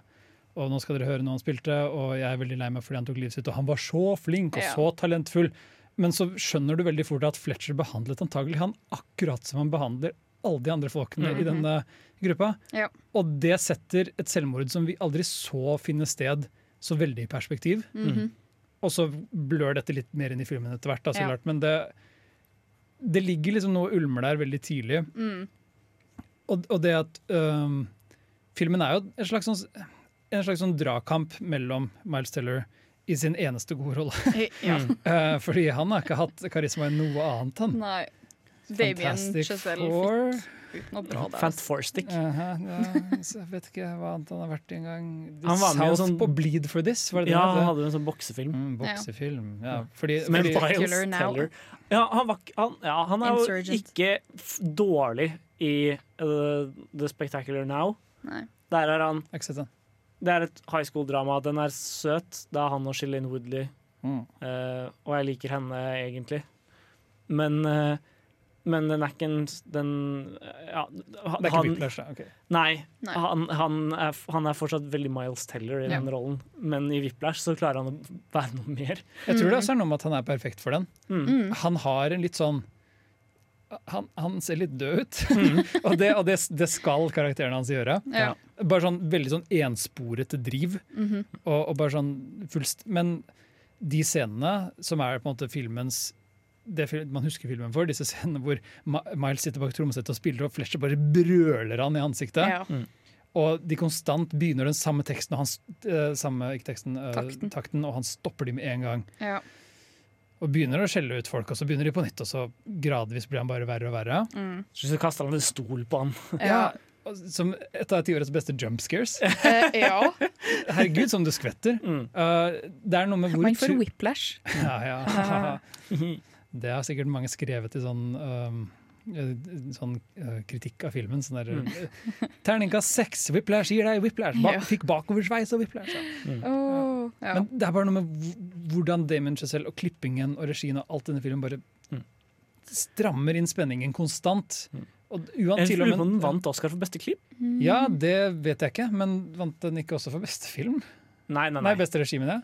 Eh, nei. Ja. Jeg tror det JK Simmons vant, og så Ja. lurer jeg på om den fikk beste klipp, men eh, den var i hvert fall nominert til det. Den vant tre Oscarer. Hvilke var det? Uh, best performance, uh, JK Simmons. Uh, beste achievement i um, redigering, Tom Ja. Cross. Og um, sound mixing. Da var det Altså, den, den fikk beste klipp. Ja. Jeg husker jeg synes det var veldig velfortjent fordi den er så utrolig avhengig av klippingen sin for å funke. mm. Du, du klarer ikke å gjøre folk som spiller trommer spennende Nei. med mindre klippingen er skikkelig tight. Den er også veldig glad i sånn, sånn ting-klipping. Sånn mm. Edgar Wright-aktig derre eh, Stram trommesette, stram, og så ser du noen stram, og så ser du liksom en, en stikke plasseres på trommeskinnet, og så ser du noen andre justere en, en, en fiolin eller et eller annet. Bare sånn, det er bare sånn, alle disse småtingene. Nå tuner vi trommesettet, og så bare sånn klipping av folk som gjør små ting sånne veldig raske montasjer, Mm. før og etter ting begynner, som på en måte setter opp ja. Uh, det, Jeg tror denne filmen Den gjør en ting som vi ofte prater om Edgar Wright for å gjøre. Ja. Den rytmiske klippingen av bare sånn Mm. ting som skjer, rutiner og prosesser. Mm. Men den gjør det på en mye mer organisk måte, hvor det ikke skal skille seg ut som en sånn Her kommer denne tingen. Så- Denne, ja. ja, denne gjør det ikke som en vits, Nei. men Ja. for å bygge suspens. Mm, Og det funker så utrolig bra. absolutt. Bare for å si det sånn, da. Um, J.K. Simmons har vunnet over 15 um, priser for um, beste supporting skuespiller og. For det her, da. Det Så ofte, det sier sier ja. litt. Det er ofte tilfellet når, sånn, når du får Oscaren for noe, så har det allerede liksom gått en runde på andre mindre Ja. sånn Screen Actors Guild eller whatever. Mm. Og så har på en måte alle sett så Når Oscarene kommer, så pleier man å sette seg ned og måtte telle hvem har samlet flest av småprisene, Ja. og så er da oddsen veldig i deres favør. Men ikke alltid. ikke alltid Så går det, øh, går det sånn. Men det var veldig fortjent òg, da. Han, han, en, han, han bærer den filmen. Hadde du hatt noen andre i den rollen som ikke var like god, det hadde ikke gått. det hadde føltes feil. Og Ja. filmen hadde blitt mye mindre intens. Mm. Han er, han er skikkelig perfekt casta. Ja. Um, og avslutningssek... Apropos å ha en perfekt slutt. Mm. Den siste scena i Whiplash Mm. er så intens. Ja. Men ikke bare Jeg får scenen. frysninger ja, bare vi snakker om Mm. men punktumet filmen slutter på, Mm. bare det siste liksom blikket, Ja. Som er sånn Det er egentlig ikke en lykkelig slutt. Nei. Nei. Uh, det indikerer at han endelig at, at um, Vi har på en måte sett Andrew hvor ødeleggende trommespilling på denne, dette, av dette kaliberet er, er Mm. for han og for Ja. andre rundt han. Og så har vi sett ham på en måte innse bitte Hans beste øyeblikk, klimakset hans, kommer når han på en måte sier jeg skal, jeg skal vise deg, jeg, Fletcher. Mm. Jeg skal faen meg vise deg. Ja. Jeg driter i deg. Nå skal jeg bare spille trommer så for harde livet for meg selv. Og så sånn. Og sånn. så får han da endelig anerkjennelsen, Mm. som på en måte både bekrefter at Fletcher Hadde rett. Ja, Fletcher Ja. selv sier til selv 'jeg hadde rett'. Se, hva, Mm. se hvordan jeg bøllet deg til det beste du noensinne har gjort. Mm. Og det impliserer på en måte også at han antagelig kommer til å falle rett tilbake i å hige etter den anerkjennelsen igjen. Ja. Mm. Så det er egentlig en veldig trist slutt. Mm. Ja, det stiller på en måte spørsmål om er kunsten verdt det. da Ja. Litt på samme måte som, eh, som Black Swan. Ja, Ja. den. Eh, bare at der, der Black Swan går inn i horror-territorium, så går denne i thriller Ja. inn i thrillerverden. Og det er to veldig forskjellige Eller det å danse og det å spille trommer er på en måte veldig forskjellig i hvordan det oppleves på film. Ja, vi har rytme, da, begge to. Ja. Eh, ja, men eh, Jeg vet ikke. Trommespilling er så voldsomt. Ja. Og det, det Jeg vet ikke. Jeg så denne eh, Jeg dro med meg et par musikervenner på denne filmen, blant annet en trommis, Ja. og alle gikk ut og var sånn ah, Musikk! Trommer! Mm. Hvis det er en film som får deg lyst til å bare sitte dunk, dunk, dunk, slå, på, Mhm. slå på naboens kinosette, så er det kanskje Whiplash. Ja.